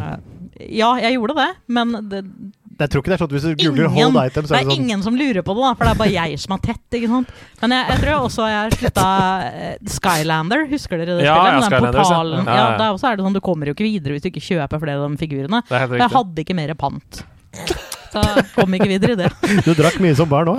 Ja, dette er så deilig, Fredrikstad. Okay, Rett fra tåteflaske til Har til mer pante, vet du! Da blir det ikke noen flere Skylanders, da! Nå må du begynne å drikke, fatter'n! Jeg står fast ved Kaptein Sortebil der borte! Nå trenger jeg en ny Skylander! Skal du begynne å klappe til mutter'n litt grann, og mer også, da? Begynne å drikke litt mer? Skummelt likt. Oi, oi, oi! Scene fra et ekteskap. Ok, Siste spørsmål i korktavlen. Om dere måtte gifte dere med en spillkarakter som ikke er et vanlig menneske, hvem? Og Det er ikke ment som et romantisk giftermål, men jeg dømmer ingen, skriver Vebjørn. Skriver Vebjørn.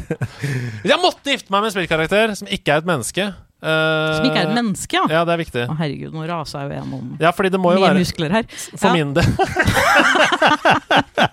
for, min- for min del så må det jo være noe som bare lar meg leve livet mitt akkurat som jeg vil.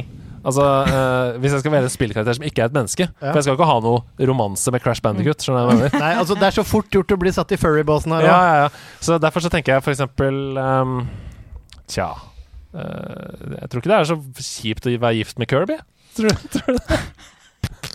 Nå holdt jeg på holdt jeg, altså, holdt jeg på og, det- og Nå holdt jeg på å gå dit. Jeg holdt på å gå dit, men jeg holder meg for god. Jeg tror det bare er hyggelig og søtt og koselig i verden, og Kirby er med deg rundt omkring. Og Jeg tror jeg hadde valgt Midna etter hun blir Babe på slutten. Den er fin. Ja. Hun var ganske Ja. søt da, og så er hun jo Hun var- hun var ganske slitsom i starten, men når hun blir Babe, så er det jo litt hyggeligere. Mm. Vet du hva, jeg går for noe praktisk, jeg. Jeg tar en Ferrari fra Gran Turismo 7. Gift meg med det. Ja, ok, da tar jeg Epona.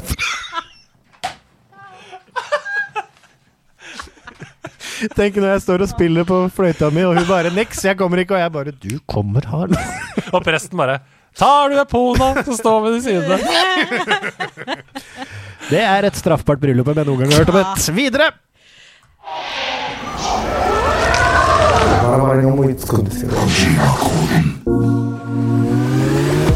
Oh, yeah. Hideo, jo Det er jo, Hideo, Hideo, jo Hideo, er Hideo, Hideo, Hideo, Hideo, Yogodema la da do me morio Ere Yogodema la bore da do me morio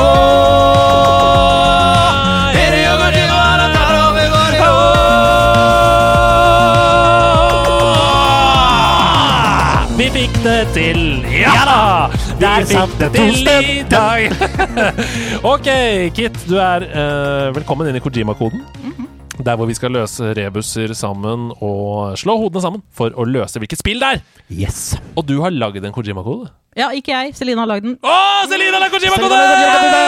Sebastian, det betyr at vi to kan. Jeg klarer ikke å lage sånt. Eller hadde ikke tid, er vel kanskje mer. Du klarer alt hvis du vil. Nå må vi, nå må vi få det til. okay. Ja, eh, men det som også er litt deilig med det, er at det er hun som har lagd den, så hvis han har dårlig, så er det ikke min feil. Det er digg. Nei, det er sant. det er sant Uh, Ok, første ledd. Vi er klare. hvis han er bra, så har jeg vært med på å lage okay. ok. Eh, den er delt opp i Dere deler opp i tre, ikke sant? Det kan vi godt. Ja. deler opp i tre. Kjør i gang. Så Kjør hvis dere tar den på første, så er det jo tre poeng. Ja. Andre Å, To deilig. poeng. En utvida Kojima-kode. Shit, her er det mulig å få følge med relish. Okay. Uh, er dere klare? Ja. Jeg bor i skyene, langt over byen. De vil jeg skal bli en knight. Jeg er klar for å gi en real fight. Dette er Skyward Sword. Det må være Skyward Sword. Ja. Jeg bor i skyene langt over byen. De vil jeg skal bli en knight. Jeg er klar for å gi en real fight. Men jeg bor i skyene langt over byen. Ja, for det er det. Ja, men det er noen byer nedi der ja. I Skyward Sword, ja. De vil jeg skal bli en knight. Så jeg er klar for en Men real fight. Er det, er det den Kan det være den der Nei, Kid Icarus? Er det det? Som bor i skyene. Han bor i skyen og vil at jeg skal bli en knight nede i byen. Hmm. Jeg vet ikke. Vi sier Kid Icarus slash Kid Across. slash uh, Skyward Sword. Er det feil? Hva er det dere sa? Kid Icarus. Kid Icarus. Er det feil? Eller Skyward Sword. Eller Skyward Sword, sa vi òg. Ja, men dere får bare lov til å svare én gang. Fuck off. Ja, og du svarte først, Ja. og det var feil. Ok. Ja. Da blir det ikke tre poeng. Nei, Da kan dere få neste hint. Ja, vi må ta neste Ja. hint nå. Ok. Jeg må komme meg til bakken, må fly, så jeg ikke knekker nakken. Hva? Jeg må komme meg tilbake jeg må fly så jeg ikke knekker nakken? Er det Knekker nakken? Er det, knekker nakken på det greiene her, vet du. er det Near Automata, da? Klar for å bli en knight? Nei, da må, må fly der, må komme seg tilbake igjen. Men bor i skyene. Kan det være owl? Oi, kan det være Owlboy, ja? Kan det være det? For da skal du bli knight, vel? Jeg husker ikke! Vi sier Owlboy. Ja. Det er feil. Nei, ballesaft, da! Uglejus, Ja. heter det. Nei, hva er det da? Kom, kom med siste ledd, da. Ja. Siste ledd. Ja. Ok. Hvis det er mer bare en ridder og høyt i bakken i skyen nå, så kommer vi ikke til å klare det, ikke sant? Nei. Ok. Eh, Mine venner rød, smidig, akkurat som en byste. Eneste jeg må, er å plystre. Å! det- Er det Pikmin? Pikmin! Mine venner rød, smidige som en byste. Nei, hva sa du? Mine, Mhm. Mine venner røde smider smidig akkurat som en byste. Eneste jeg må, er å plystre. Du må plystre, og så kommer det noe som er rødt og hjelper deg, og du bor i himmelen, og du flyr ned. For du skal bli, skal bli, du skal bli knight. Må fly ned, ikke. Men, men hva er det? Dette er noe Altså, Pokémon, røde baller. Du kaster de, mine venner, du må plystre. Hva er det som kommer når du eh, Fugler. Fugler når du plystrer. Askepott. Askepott! Uh, eh, plystrer på fuglene. Erten og skeisekken og nøtten i posen. Ja, det kjente Tre nøtter til spillet um, rød Mine venner, rød Det må være Pikmin. Det må Pikmin. være Pikmin. Pikmin! Det er feil. Fankeren i bankeren! Ja, ja, Kit bryter reglene. Det er Skyward Sword! Din gamle dritt! Din gamle dritt! Du sa det jo. Jeg tenkte Nei, han svarte først. Jeg, sa det med en gang! Da ble spalten Første lenger. jeg sa! Tre poeng rett i sekken! Fy faen. Det, er, det er andre og siste gang, Kit. Si Her kommer, her kommer hevnen. Det var hyggelig så lenge det varte. Kojima-kode, dere må være på lag. Okay. Her kommer hevnen. Et grufullt piano. Et land der stort blir smått. En ørken full av kvikksand og usynlig når ting er blått. Et grufullt piano, et land der stort blir smått. En ørken full av kvikksand og usynlig når ting er blått. Hva er dette, mon tro? Hmm. Hva er dette, mon tro? Usynlig når ting er blått. Et grusomt piano. Et grufullt piano. Grufullt er det um, Et land der stort blir smått. Uh, Er det En ørken full av Jeg tenker bare på den derre når du skal ta Du vet det siste Zelda-spillet? Mm. Det er Breath of the Wild, når du er eh, ved elefanten. Ja. Der er det sånn eh, ørken eh, Men er ting usynlig når det er blått der, da? Og usynlig når ting er blått. En ørken full av kvikksand, osv. ja, Det vil vel ikke jeg, vel? Det, det hoppa ikke opp som noe selv. Det er et grufullt piano. Ja, for der er det så sinnssyk musikk. Ja, sånn at det er Ja. musikken som er Mm. grufullt. Ja, det er det han tenker. At det er, Svarer dere Brett of the Wild? Ja. Det er feil! En verden fylt av lava. En sklie der ting går trått. En eldgammel tikkende klokke. Og alt i samme slott. Mario 64. Det er riktig! Boom! Og usynlig når ting er blått, er selvfølgelig Ja, blue switch. Du får usynlighetscapen. Veldig, veldig bra! Bra, Det ble bra. ett poeng på dere for Super Mario 64. Det er fantastisk. Og fordi det er den første tirsdagen i måneden, så skal vi hit, vi.